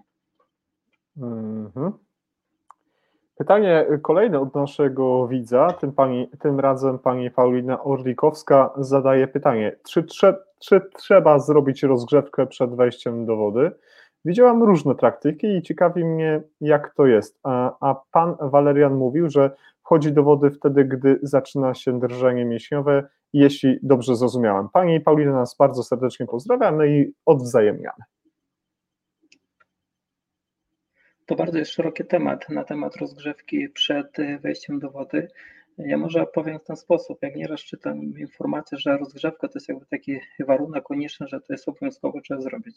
Ja podchodzę trochę inaczej. Uważam, że to nie jest warunek konieczny, że ta rozgrzewka niekoniecznie musi być wykonana. a też zauważmy, jak funkcjonują w wodzie pływacy zimowi. To oni praktycznie się nie rozgrzewają, dlatego że uważają, że poprzez rozgrzanie będą mogli być w tej wodzie dużo krócej, a to nie jest skazane. Jeżeli chodzi o nasze wejście do morsowania w stanie, kiedy mamy drżenie mięśniowe, my to takie wejście robimy wtedy, jak chcemy zrobić długie czasy. Na przykład jak chcemy spędzić w wodzie godzinę czy dwie godziny, wtedy się rozbieramy, jesteśmy narażeni na zimno, pozwalamy, żeby to zimno zadziałało na nasz organizm, wtedy naczynia krwionośne się kurczą, organizm zaczyna mieć już drżenie mięśniowe i w takim stanie wchodzimy do wody. Jak najbardziej tak morsujemy. Mm, ja przeważnie się nie rozgrzewam, e, chociaż nieraz jest tak, że robię takie zakładki, e, że mam trening przed morsowaniem, później morsuję i trening po morsowaniu. E, to znaczy najczęściej albo dojeżdżam rowerem do miejsca morsowania, mm, albo biegnę, albo mam taki szybki trucht. Tylko, że jak jestem już rozgrzany i jestem przy zbiorniku, to przeważnie się rozbieram, pozwalam, żeby powietrze mnie trochę schłodziło i dopiero wtedy wchodzę. Bardzo, bardzo serdecznie dziękujemy. Zapraszam Państwa do tego, żeby jakby komentować nasze wydarzenie, bo już teraz przeglądałem mm, informacje, jakimi się Państwo dzielicie. Tutaj jest wiele osób z Polski, z Norwegii, z różnych innych miejsc mm, w Europie czy na świecie, które mają duże doświadczenia w, te, w tej w te, tego rodzaju aktywności, więc y, tutaj mm, już wystąpiła pewna fajna dyskusja między uczestnikami naszego dzisiejszego spotkania, za co jestem niezmiernie y, Państwu wdzięczny, bo przede wszystkim to Wy tworzycie jakby klimat i y, nastrój tego spotkania, a sądząc po tym, co się dzieje na naszym czacie, pod wydarzeniami, to mm, spotkanie mm, Państwu się po prostu bardzo podoba. Tak więc pozdrawiam wszystkich bardzo serdecznie. Postaramy się w miarę możliwości na te mm, pytania odpowiedzieć. Jeżeli pominiemy jakieś pytania, to ja później do Waleriana prześlę te zapytania i poproszę, żeby odpowiedział na te pytania i w ramach postu umieścimy to na naszej stronie, na naszym profilu Nurdish Triget na, na Facebooku pytanie z, no właśnie, to tacy nasi dzisiaj współorganizatorzy, ludzie, którzy mm, uprawiają morsowanie, którzy pasjonują się tą aktywnością, y, za y, udostępnienie dzisiejszego wydarzenia mm, i za y, współorganizację. Bardzo Wam Państwo dziękuję. Mors Świry z Warszawy. Mm, I tutaj pytanie, Walerian Romanowski, jakie kolejne projekty macie w planach? Dużo czasu i cierpliwości poświęcacie y, zwykłym ludziom. Mm, skąd bierzecie siłę, aby szerzyć wiedzę i edukować? To takie pytanie do Ciebie i do Twojego zespołu pewnie. No, za chwilę się oglądam, czy nie jest tam gdzieś moja Ania, czy mnie nie słucha. No bo często jest tak, że Ania się dowiaduje o moich projektach dopiero tydzień przed wyprawą. Wiadomo, że są w w planach e, pewne projekty. Chciałbym też pojechać na, na Bajkał, zamieszkać na Bajkale, e, pojechać jeszcze do Jakucji. E, poprzez te projekty zdobywamy doświadczenia i uważam, że tym doświadczeniem warto się dzielić. Nie można to trzymać wyłącznie dla siebie. Mm, I jesteśmy zawsze otwarci. Robimy różne szkolenia, czy to morsowanie w minus 50, czy jakieś inne morsowanie. Skąd bierzemy cierpliwość.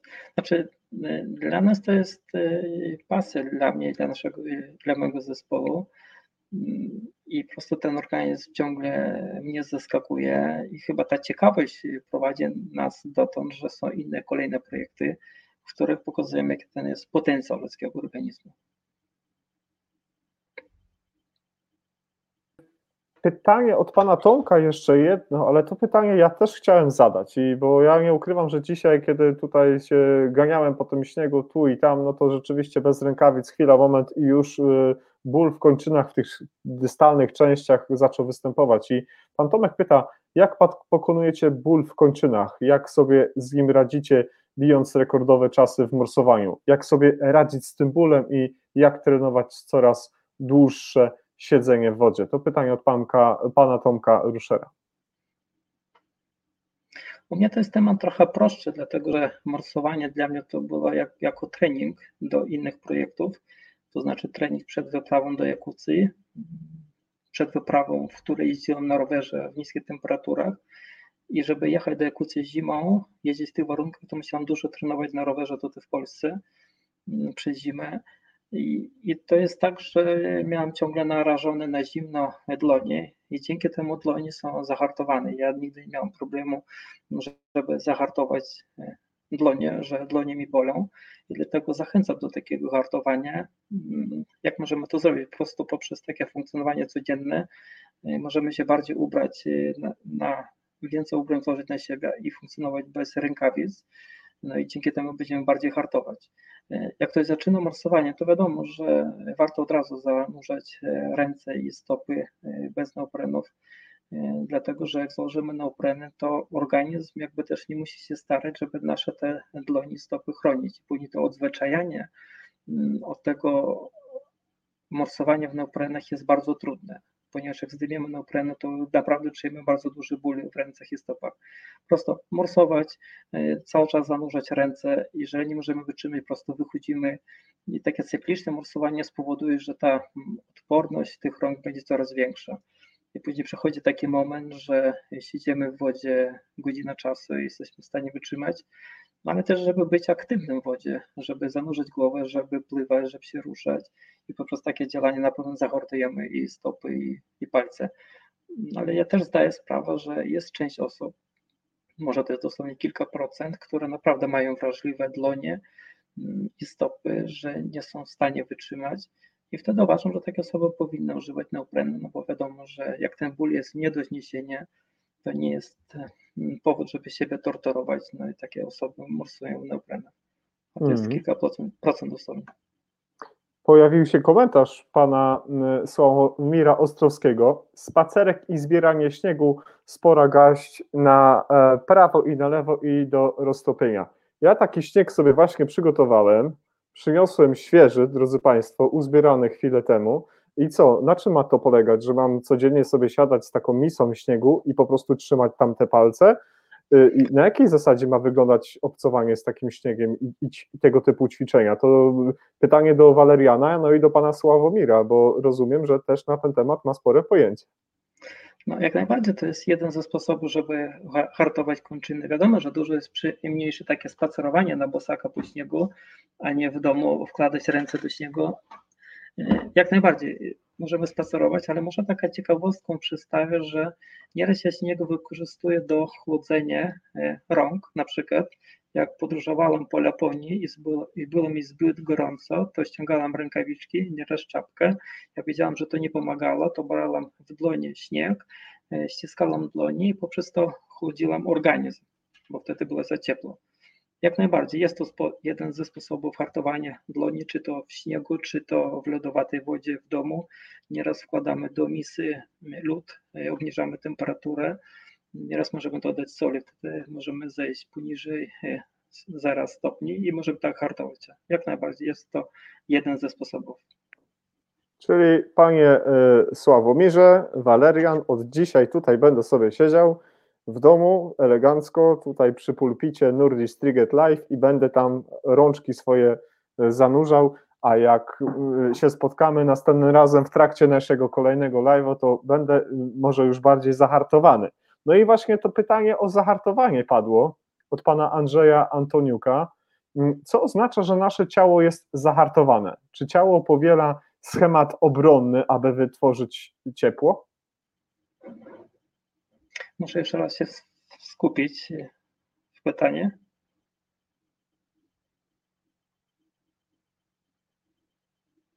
Oczywiście też to jest pytanie po części związane z termoregulacją.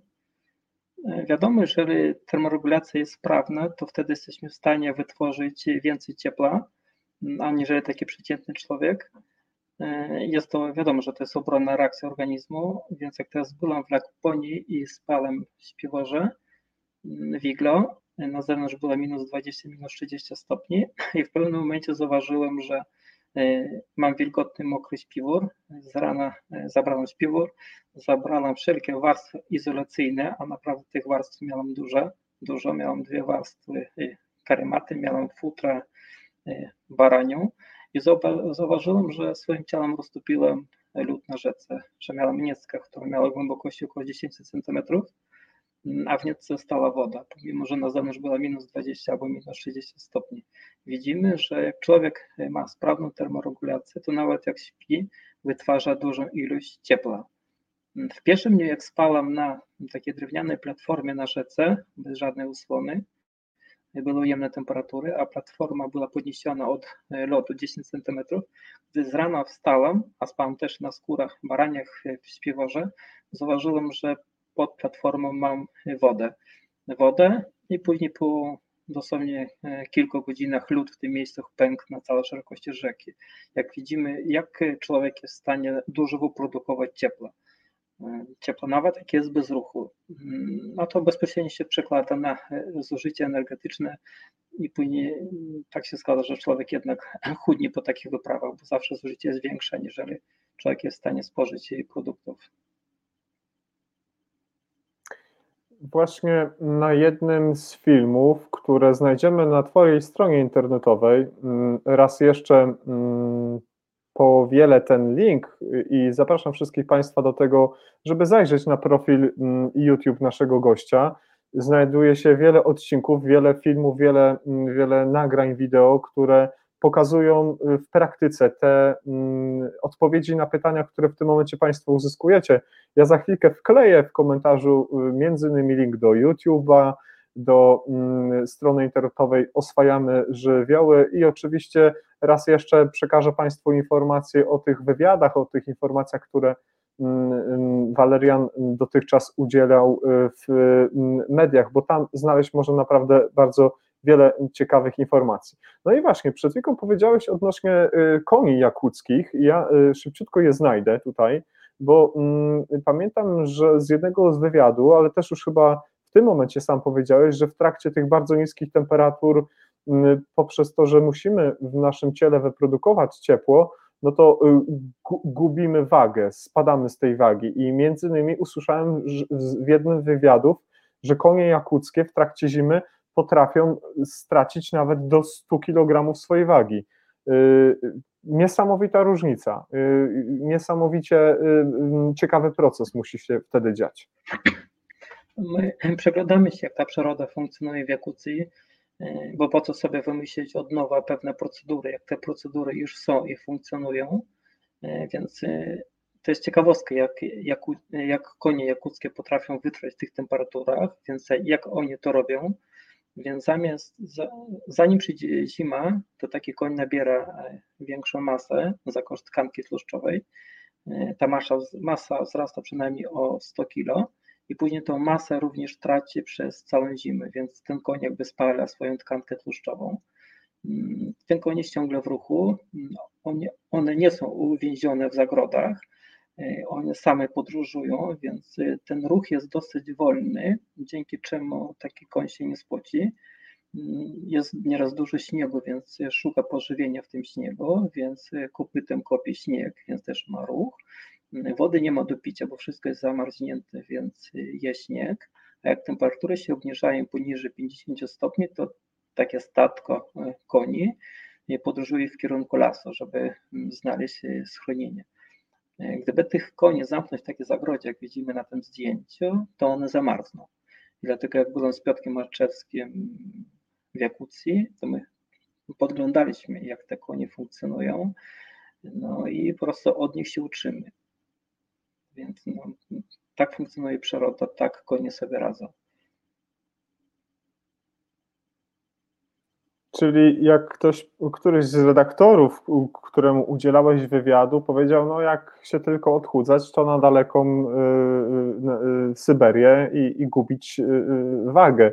E, no ale waga to jedno, ale też przecież suplemencja wody. Bardzo szybko, bardzo łatwo można się odwodnić. Kiedy mm, mm, realizowaliście projekt w oswajaniu żywiołów, to pokazywałeś w komorze, mm, w której y, temperatura spadła do minus 100, był, plan był do 175, ale z tego co pamiętam powiedziałeś, że nie można było wyprodukować takiej niskiej temperatury, temperatura spała, spadła do minus 70 i w trakcie, kiedy pedałowałeś rowerem, musiałeś y, nie tylko się posilać, zamarznięte mięso, sery i tak dalej, ale musiałeś przyjmować wodę, ale też mówiłeś, żeby nie było to łatwe, bo te kostki lodu zamarzały w buzi.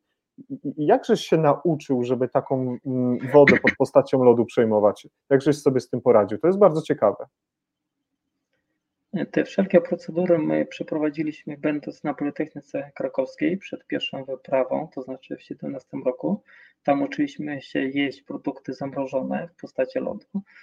E, Okazuje się, że to nie jest takie proste, bo na twarzach mieliśmy maski e, i otwory na oczy, więc przez taki otwór taki produkt był wkładany. Taki produkt trzeba było wziąć e, w zęby, nie wolno było dotykać ani ustami, ani językiem. I pamiętam, jak wyglądała moja pierwsza próba, jak dotknąłem językiem w komorze na Politechnice i mięso mi przemarzło i wtedy uświadomiłem, że mam pierwszy problem i ten problem muszę rozwiązać, bo nie mogę funkcjonować z produktem, który jest przemarznięty do języka, więc wtedy zamknęłam usta, zaczęłam w środku wytapiać y, ten produkt, on lekko odpuścił i się od języka, więc tak samo wygląda jedzenie w temperaturach minus 150 czy minus 170, Mm, tylko że trzeba uwzględnić, że nasz organizm funkcjonuje trochę inaczej. Jak weźmiemy ten produkt w zęby, szczególnie produkt, który ma dużo wilgoci, wody, a woda to jest praktycznie no, czysty lód i naprawdę potrafi dosyć mocno przymarznąć, nasz organizm podświadomie zaczyna korygować, żeby ten produkt ustawić pod odpowiednim kątem, żeby mm, go spożyć i nieświadomie dotykamy językiem albo ustami. No i wtedy ten produkt przemarza. No wiadomo, wtedy trzeba zastosować tą procedurę awaryjną, żeby go odmrozić w ustach. Ale jest to możliwe, można spożywać takie produkty. I może to jest taka ciekawostka, że spożywanie takich produktów zamrożonych bardzo dobrze usprawnia jego termoregulację. Zresztą tak funkcjonują też zwierzęta w jakucji, jak jest podróż e, na saniach, więc psom często dają zamrożoną rybę, zresztą podróżnicy albo osoby, które polują w jakucy też jedzą zamrożone produkty e, i to wpływa na to, że organizm wytwarza więcej ciepła. Więc to nie jest tak, że nie jest tak zawsze, że jak jesteśmy w zimnie, to powinniśmy spożywać ciepłe produkty. Nieraz wskazane jest spożyć zamrożone mm, produkty do zjedzenia, wypić lodowatą wodę, szczególnie jak jesteśmy narażeni przez dłuższy czas na ekspozycję zimna. Jak byłem teraz w Laponii, to przez miesiąc czasu piłem wodę z rzeki i w pewnym momencie odgrzałem taką konserwę, która była całkowicie zamrożona, bo nie mogłem w ogóle z nią poradzić w takim piecyku do bali podgrzewanej przez kilka dni miałem chrypkę. Jak widzimy, że nie jest, zawsze, nie jest wskazane spożywanie ciepłego produktu w takiej sytuacji, kiedy organizm jest nastawiony na oszczędzanie ciepła i na produkcję ciepła. Hmm. A co jest bardziej niebezpieczne naszego organizmu? Przegrzanie czy wychłodzenie? Hipotermia czy hipertermia? Jak teraz miał ten projekt, gdzie osiągnęliśmy najwyższą różnicę temperatur, ja się nie obawiałam niskich temperatur, ponieważ wiedziałem już, jak niskie temperatury na nas działają, jakie są procedury, żeby poradzić z tą niską temperaturą, bo jak jest niska temperatura, to naprawdę mamy szereg możliwości, żeby sobie poradzić. Możemy zwiększyć wysiłek fizyczny, dzięki temu zaczniemy wytwarzać więcej ciepła, możemy zjeść odpowiedni produkt, możemy bardziej się ubrać, możemy docieplić pewne części ciała, dzięki czemu jesteśmy w stanie poradzić. Możemy inaczej oddychać, bardziej płytko, żeby nie wdychać powietrze zimno. Poprzez takie płytkie oddychanie bardziej to powietrze wygrzewamy i stosujemy szereg różnych jakby możliwości. Jak jest wysoka temperatura, to nasze możliwości nieraz się kończą i nie ma żadnych opcji. No bo polewanie wodą w temperaturze, jak mamy plus 70 stopni, to powoduje, że ta woda zaczyna parzyć. Wiatrak również. Wiadomo, że wysiłek fizyczny negatywnie wpływa na też na nasze serce, bo to intensywnie obciąża. I to jedyne sposoby albo możliwości, które zastosowałem, to dbanie o swój, o swój organizm w temperaturach, na przykład plus 30, plus 40, aby z tych temperatur wyjść jak najlepszej kondycji do tych temperatur wyższych i naprawdę niebezpiecznych, jak mieliśmy plus 60 albo plus 70. Więc to uważam, że te wyższe temperatury są bardziej niebezpieczne jak te niższe, bo łatwiej sobie poradzić z niskimi temperaturami, aniżeli z wysokimi. Dobrze, to zaglądamy jeszcze raz, drodzy Państwo, do Was, do naszych widzów. Zgromadziło się bardzo wielu widzów. to w pewnym momencie straciłem mm, mm, jakby y, dokładną ilość Państwa, którzy zarejestrowali się u nas dzisiaj na naszym y, live'ie. Oglądających to jedna część, a osób piszących to druga część. Obydwie grupy y, to naprawdę bardzo mm, duża ilość osób, widzów i jestem z tego powodu bardzo zadowolony. Tak więc zaglądam jeszcze raz. Y, tutaj rozmowa. Muszę Ci powiedzieć, Walerian, że gdybyśmy w tym momencie zeszli z anteny, to rozmowa będzie dalej się mm, tutaj odbywała poza nami i tutaj widzę, że wszyscy, którzy morsują, mają się dobrze i, i, i co? I nie musimy się wcale tutaj za bardzo dopi, do, dopisywać do, do tego mm, spotkania. Tak więc bardzo się cieszę, bo też bardzo nam zależy na tym, żebyście się pań, Państwo czuli tutaj w swoim towarzystwie jak najlepiej. E, zanim jeszcze będziemy zadawać pytania, które mm, Państwo żeście mm, przygotowali dzisiaj ze swojej strony Walerianowi, to ja bym chciał zapytać Walerian o te Twoje sprawy z przeszłości. Powiedziałeś, że nie wzięto cię do wojska, do tego wojska jeszcze starej daty. Mm, y, zabroniono ci skakać ze spadochronem. Y, jako y, bliźniak zostałeś prawie spisany na straty. Opowiedz troszeczkę więcej o tym swoim starcie, kiedy byłeś dzieckiem małym, potem młodzieńcem, aż do etapu, kiedy doszedłeś do sportowca wyczynowego.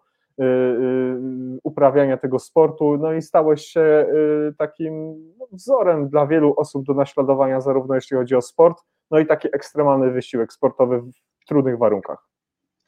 Bo niektórzy może jak nie obserwują, to myślą, że jestem tak jak komandos, mam wyjątkowe zdrowie, a to nie jest tak do końca, ponieważ jak się urodziłam, a urodziłam się e, jako bliźniak, więc jak zobaczono jak ja wyglądam, no to lekarze stwierdzili, że chyba ja nie przeżyję, bo wyglądam zbyt marnie.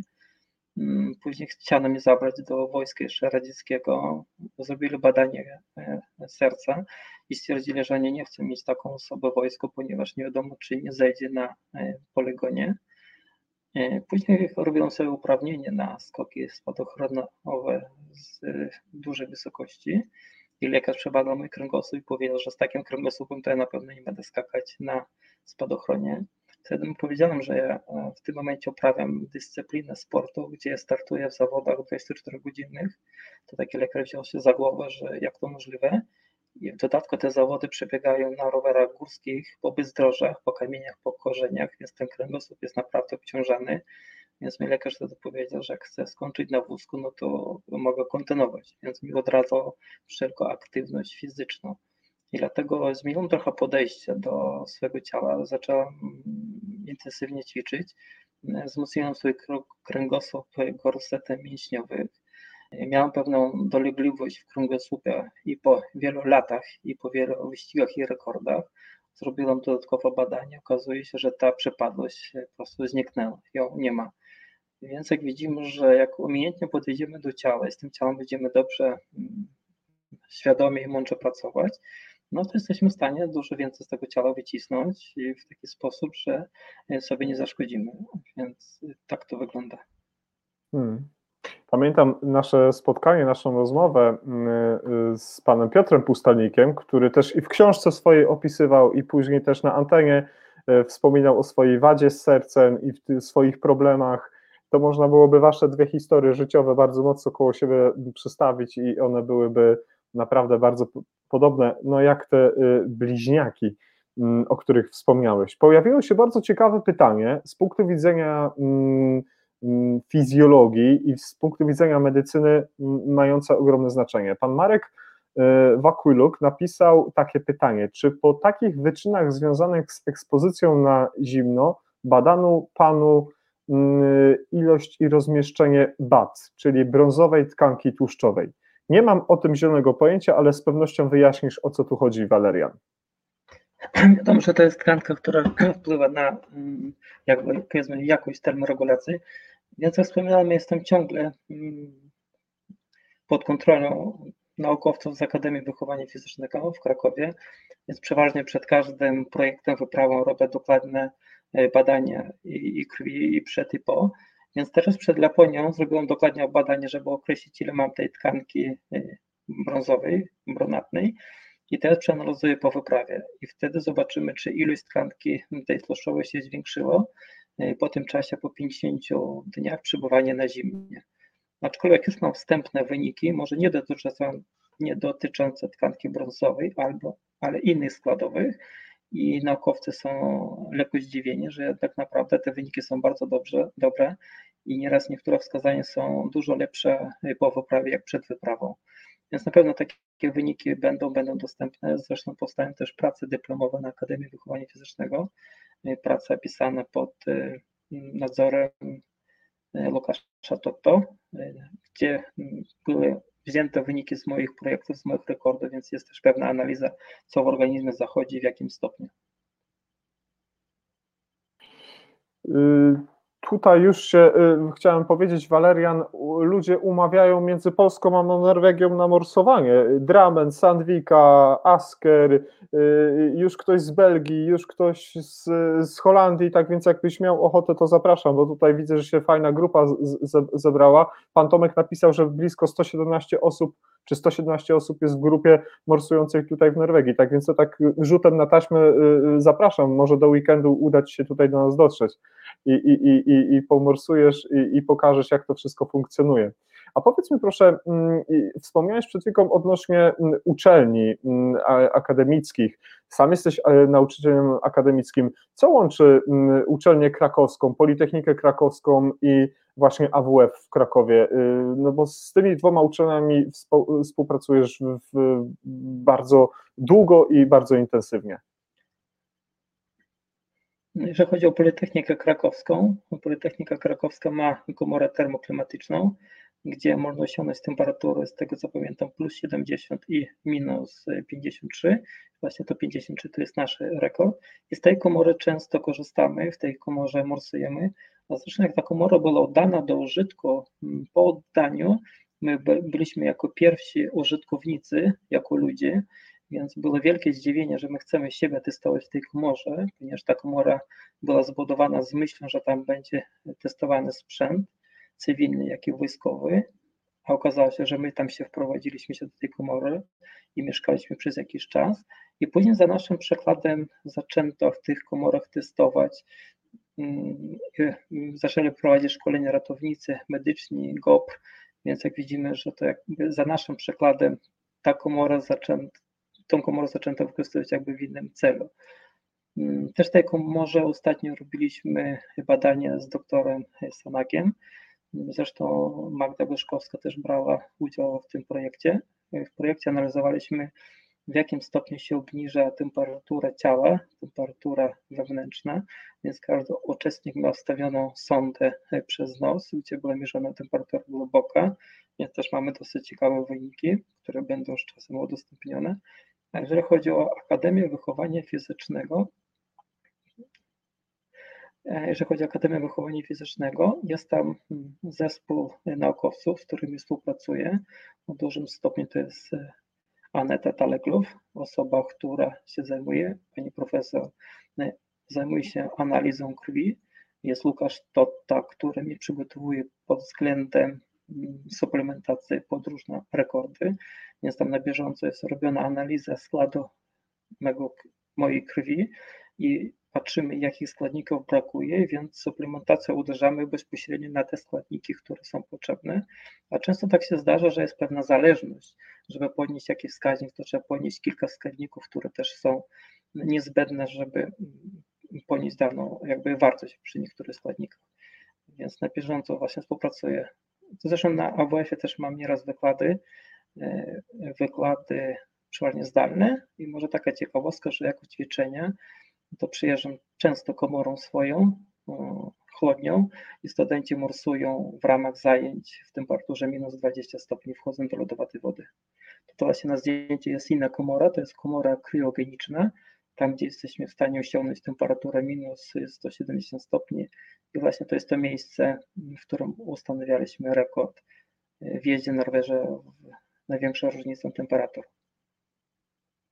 Y, i znowu zapraszam Państwa do odwiedzenia profilu mm, Waleriana na Facebooku, oswajamy żywioły i kanał y, YouTube. To są te miejsca, gdzie znajdziecie Państwo dużo więcej informacji związanych zarówno z poczynaniami mm, Romanowski Team, i osób, które wspierają, bo i bezpieczny, bo Medic Rescue Team i Romanowski Team i wiele fantastycznych osób, które wspierały, wspierają i wspierać podejrzewam będą cicho kolejne nowe projekty, żeby się twoja druga połowa nie dowiedziała, a będzie ich w tym roku pewnie sporo. No właśnie, y, a jakie plany y, już o tych, które tutaj widz pytał, a jakie macie cele, co, co byście chcieli, co żeście sobie założyli na 2021 rok, co mm, mogłoby się wydarzyć dobrego, co byście chcieli jeszcze w tym roku osiągnąć?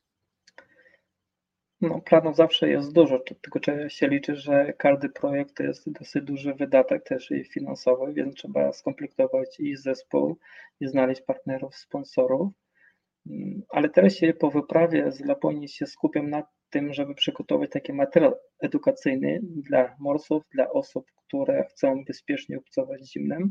Y, powstanie książka, która zostanie napisana wspólnie z naukowcami z Akademii Wychowania Fizycznego, więc mamy już y, zgodę rektora, żeby taki materiał powstał.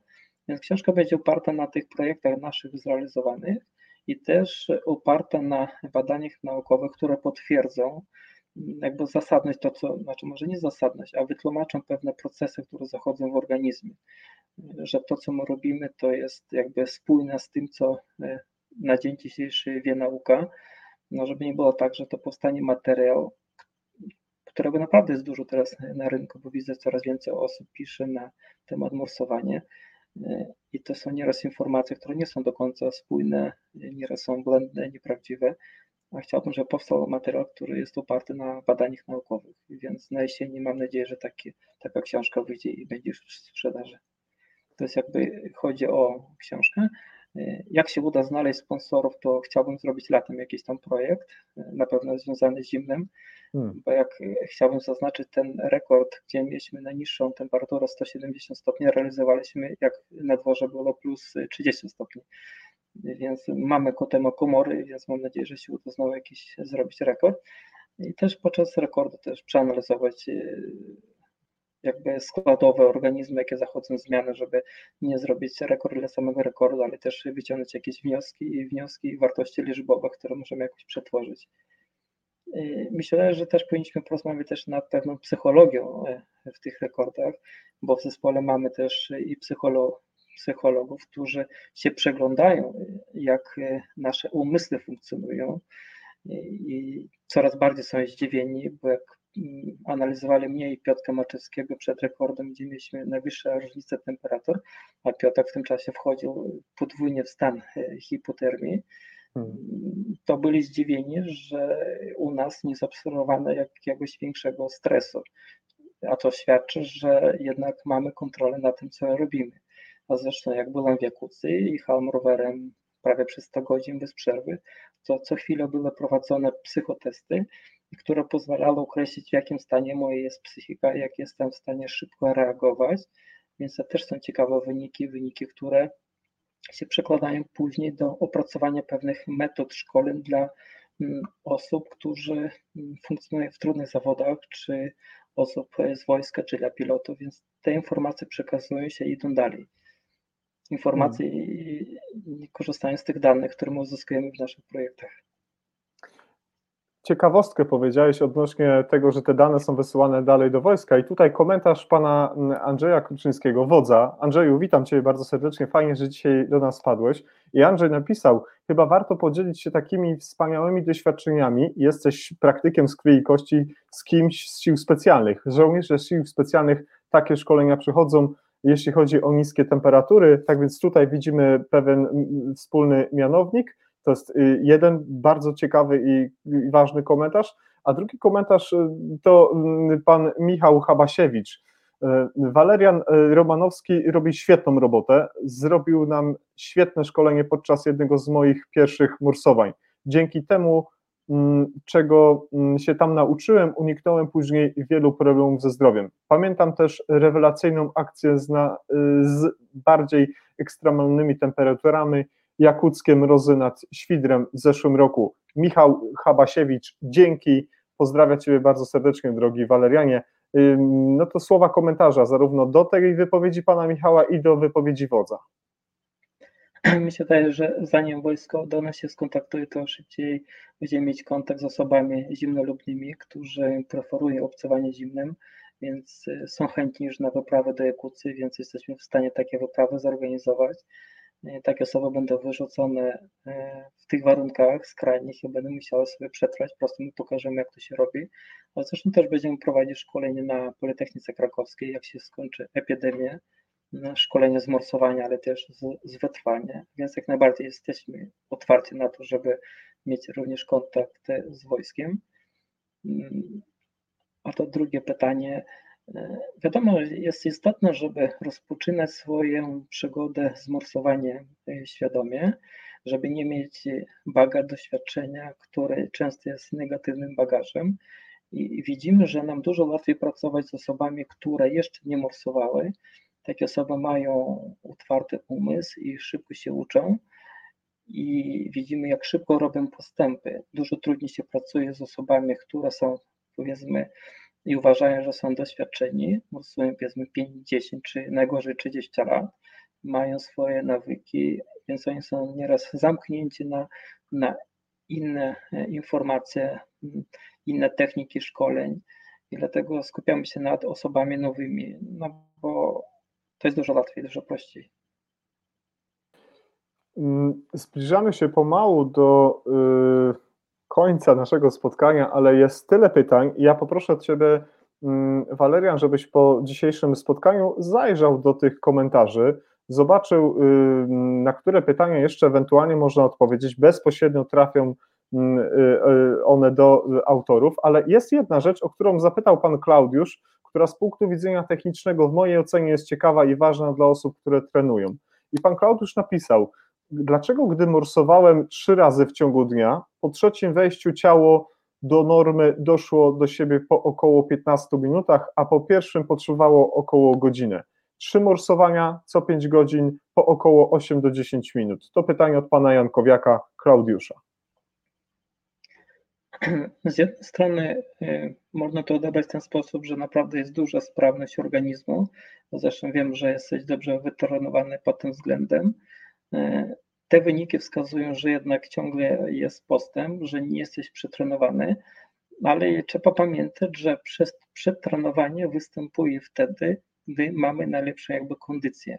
I łatwo w tej sytuacji przegiąć, że jak zobaczę, że organizm dochodzi szybciej, jak wydłużysz czasy, może się okazać, że nastąpi okres przetrenowania.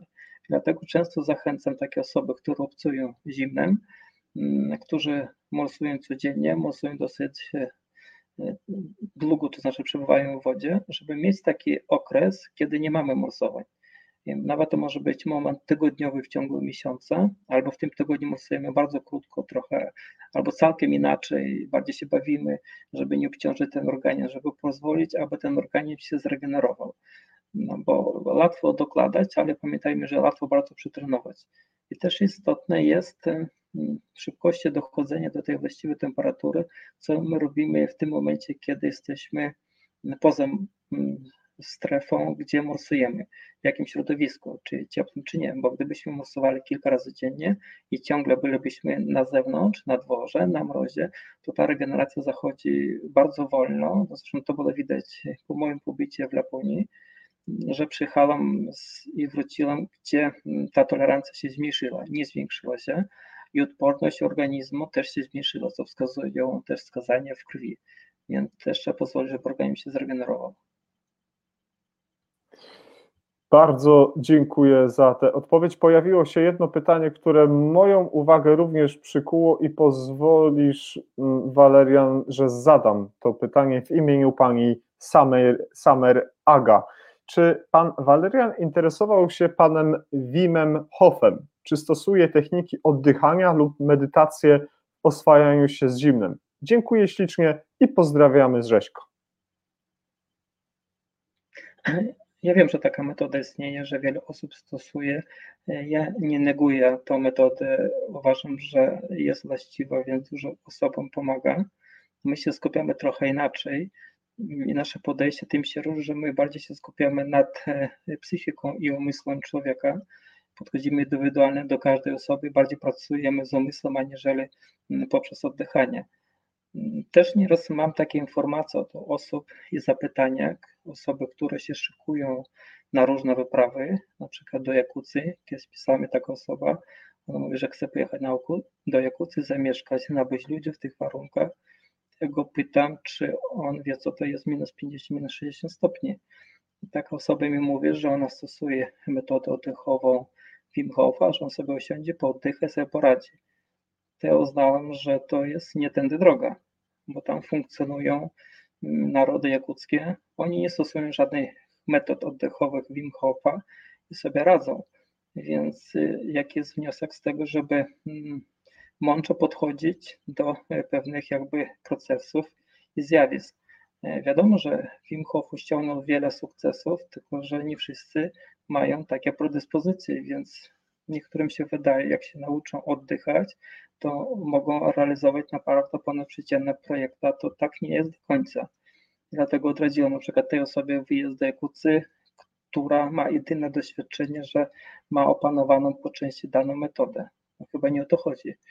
No, jakuckie konie funkcjonują, jakoś tam żadnych metod nie stosują, więc mm, po prostu widzę, że jest pewna tendencja e, w tym, że racjonalnie nie, nie analizujemy pewne e, procesy, które i zagadnienia mogą nas spotkać w takich wyprawach. Więc się zatraca się po części instynkt samozachowawczy, a ludzie myślą, że jak się nauczą oddychać, że sobie poradzą w każdych warunkach, że jak będzie mu zimno w jakucy, to by usiądzie, po oddychie sobie poradzi. Tak do końca to nie funkcjonuje, więc żeby mieć e, na to uwagę. Y, szereg ciekawych komentarzy. Do tego, co właśnie przed chwilą powiedziałeś, znalazło się właśnie pod wydarzeniem. Tutaj już Państwo też wymieniacie się doświadczeniami, jeśli chodzi o te kwestie. I pan Klaudiusz, i pan Tomasz, i, i, i, wiele osób, które teraz bardzo trudno mi przytoczyć z pamięci, właśnie zajęły się tą rozmową i każdym y, innym wątkiem, który się tam pojawił.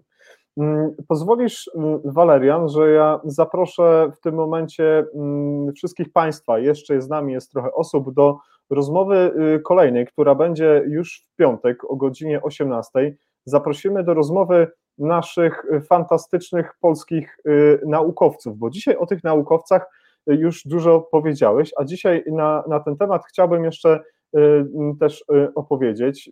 Chciałbym zaprosić wszystkich Państwa do rozmowy z Ewą Borowską, z panią y, Martą Dyszkiewicz i z panią Magdaleną Łabowską, które to panie jakim kwiatem polskiej nauki są i będziemy rozmawiać o bezpieczeństwie nowoczesnych technologii biomedycznych. I bardzo serdecznie chciałbym w tym momencie wszystkich do tego zaprosić, by piątkowy wieczór spotkać się z nami, bo te trzy panie robią takie kosmiczne rzeczy, że naprawdę muszę Państwu powiedzieć, że kiedy zgłębiam temat, kiedy uczę się tych zwrotów trudnych tematów, to widzę, jak tak naprawdę człowiek niewiele wie. No dobrze, y, drogi Walerianie, teraz podsumuj nasze spotkanie, y, przekaż y, światu wszystko to, co jeszcze nie zostało mm, z twojej, w Twojej ocenie niedopowiedziane w tym temacie.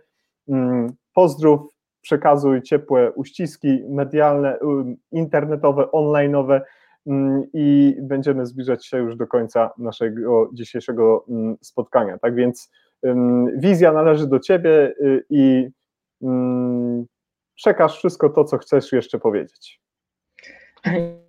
Ja się cieszę, że tyle osób się zebrało albo aby posłuchać to, co mam do powiedzenia. Jestem zawsze otwarty, żeby dzielić się tym doświadczeniem, które zdobywam w projektach bo uważam, że jak człowiek się dzieli, to jest y, bardziej bogatszy, aniżeli to chowa u siebie. Mam nadzieję, że się spotkamy. O, widzę tam na zdjęciu. Y, mam nadzieję, że jeszcze się spotkamy y, w Przeręblu, w różnych projektach, na różnych szkoleniach, gdzie namacalnie pokażę będę dążył do tego, żeby nauczyć bezpiecznie obcować zimnem. Widzę jakieś pozdrowienia. Tak, pozdrowienia przekazujemy. Mów dalej, ja tu tylko pozdrowienia pokazuję. Bo to, to rozprasza, trudniej się skupić. Dobra, to już zabieram. Znaczy, no w sumie, co miałem powiedzieć, to powiedziałem, więc y, chciałbym, żeby y, osoby, które obcują zimnym, robiliby to świadomie, analizowali dokładnie, co zachodzi w organizmie, żeby rozumieli swój organizm, bo dzięki temu będą bardziej świadome, co się dzieje i w takich sytuacjach nie zrobią sobie krzywdy.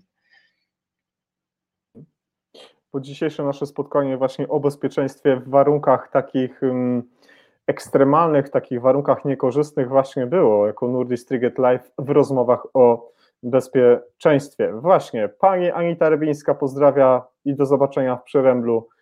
Był z nami też pan mm, Mariusz Oremski. Serdecznie dzięki za dobre słowo. Bardzo ciekawy wywiad. No, z takim gościem nie może być inaczej. Pozdrawiamy. Y, Polska pozdrawia Norwegię, Norwegia pozdrawia resztę świata. Mamy nadzieję, że takich osób tutaj y, morsujących będzie dużo. Pan Tomek mnie poprawił. 117 osób to było w pewnym momencie osób oglądających, a osób morsujących w Norwegii okazuje się, że jest około tysiąca. Tak więc cieszę się bardzo, że dzisiaj mm, między innymi przedstawiciele w różnych miejscach na, na, na naszej pięknej kuli ziemskiej zasiedli do rozmowy z Walerianem Romanowskim po stronie polskiej. Serdecznie Tobie, Walerian, dziękuję za spędzony z nami czas. E, a ja nazywam się Jacek Borowiak, a Państwo oglądaliście kolejny odcinek Nordic Triget Live, a następny już w piątek o godzinie 18 na naszym mm, profilu facebookowym, do którego wszystkich zapraszam. Jeżeli dzisiejszy odcinek się Państwu spodobał, może być like, może być udostępnienie informacji mm, o naszych odcinkach na kanale YouTube i zachęcam do tego, żeby do nas częściej zaglądać. Serdecznie Ciebie pozdrawiam, Walerian, i również Państwa. Dobrej nocy. Ja dziękuję, do zobaczenia.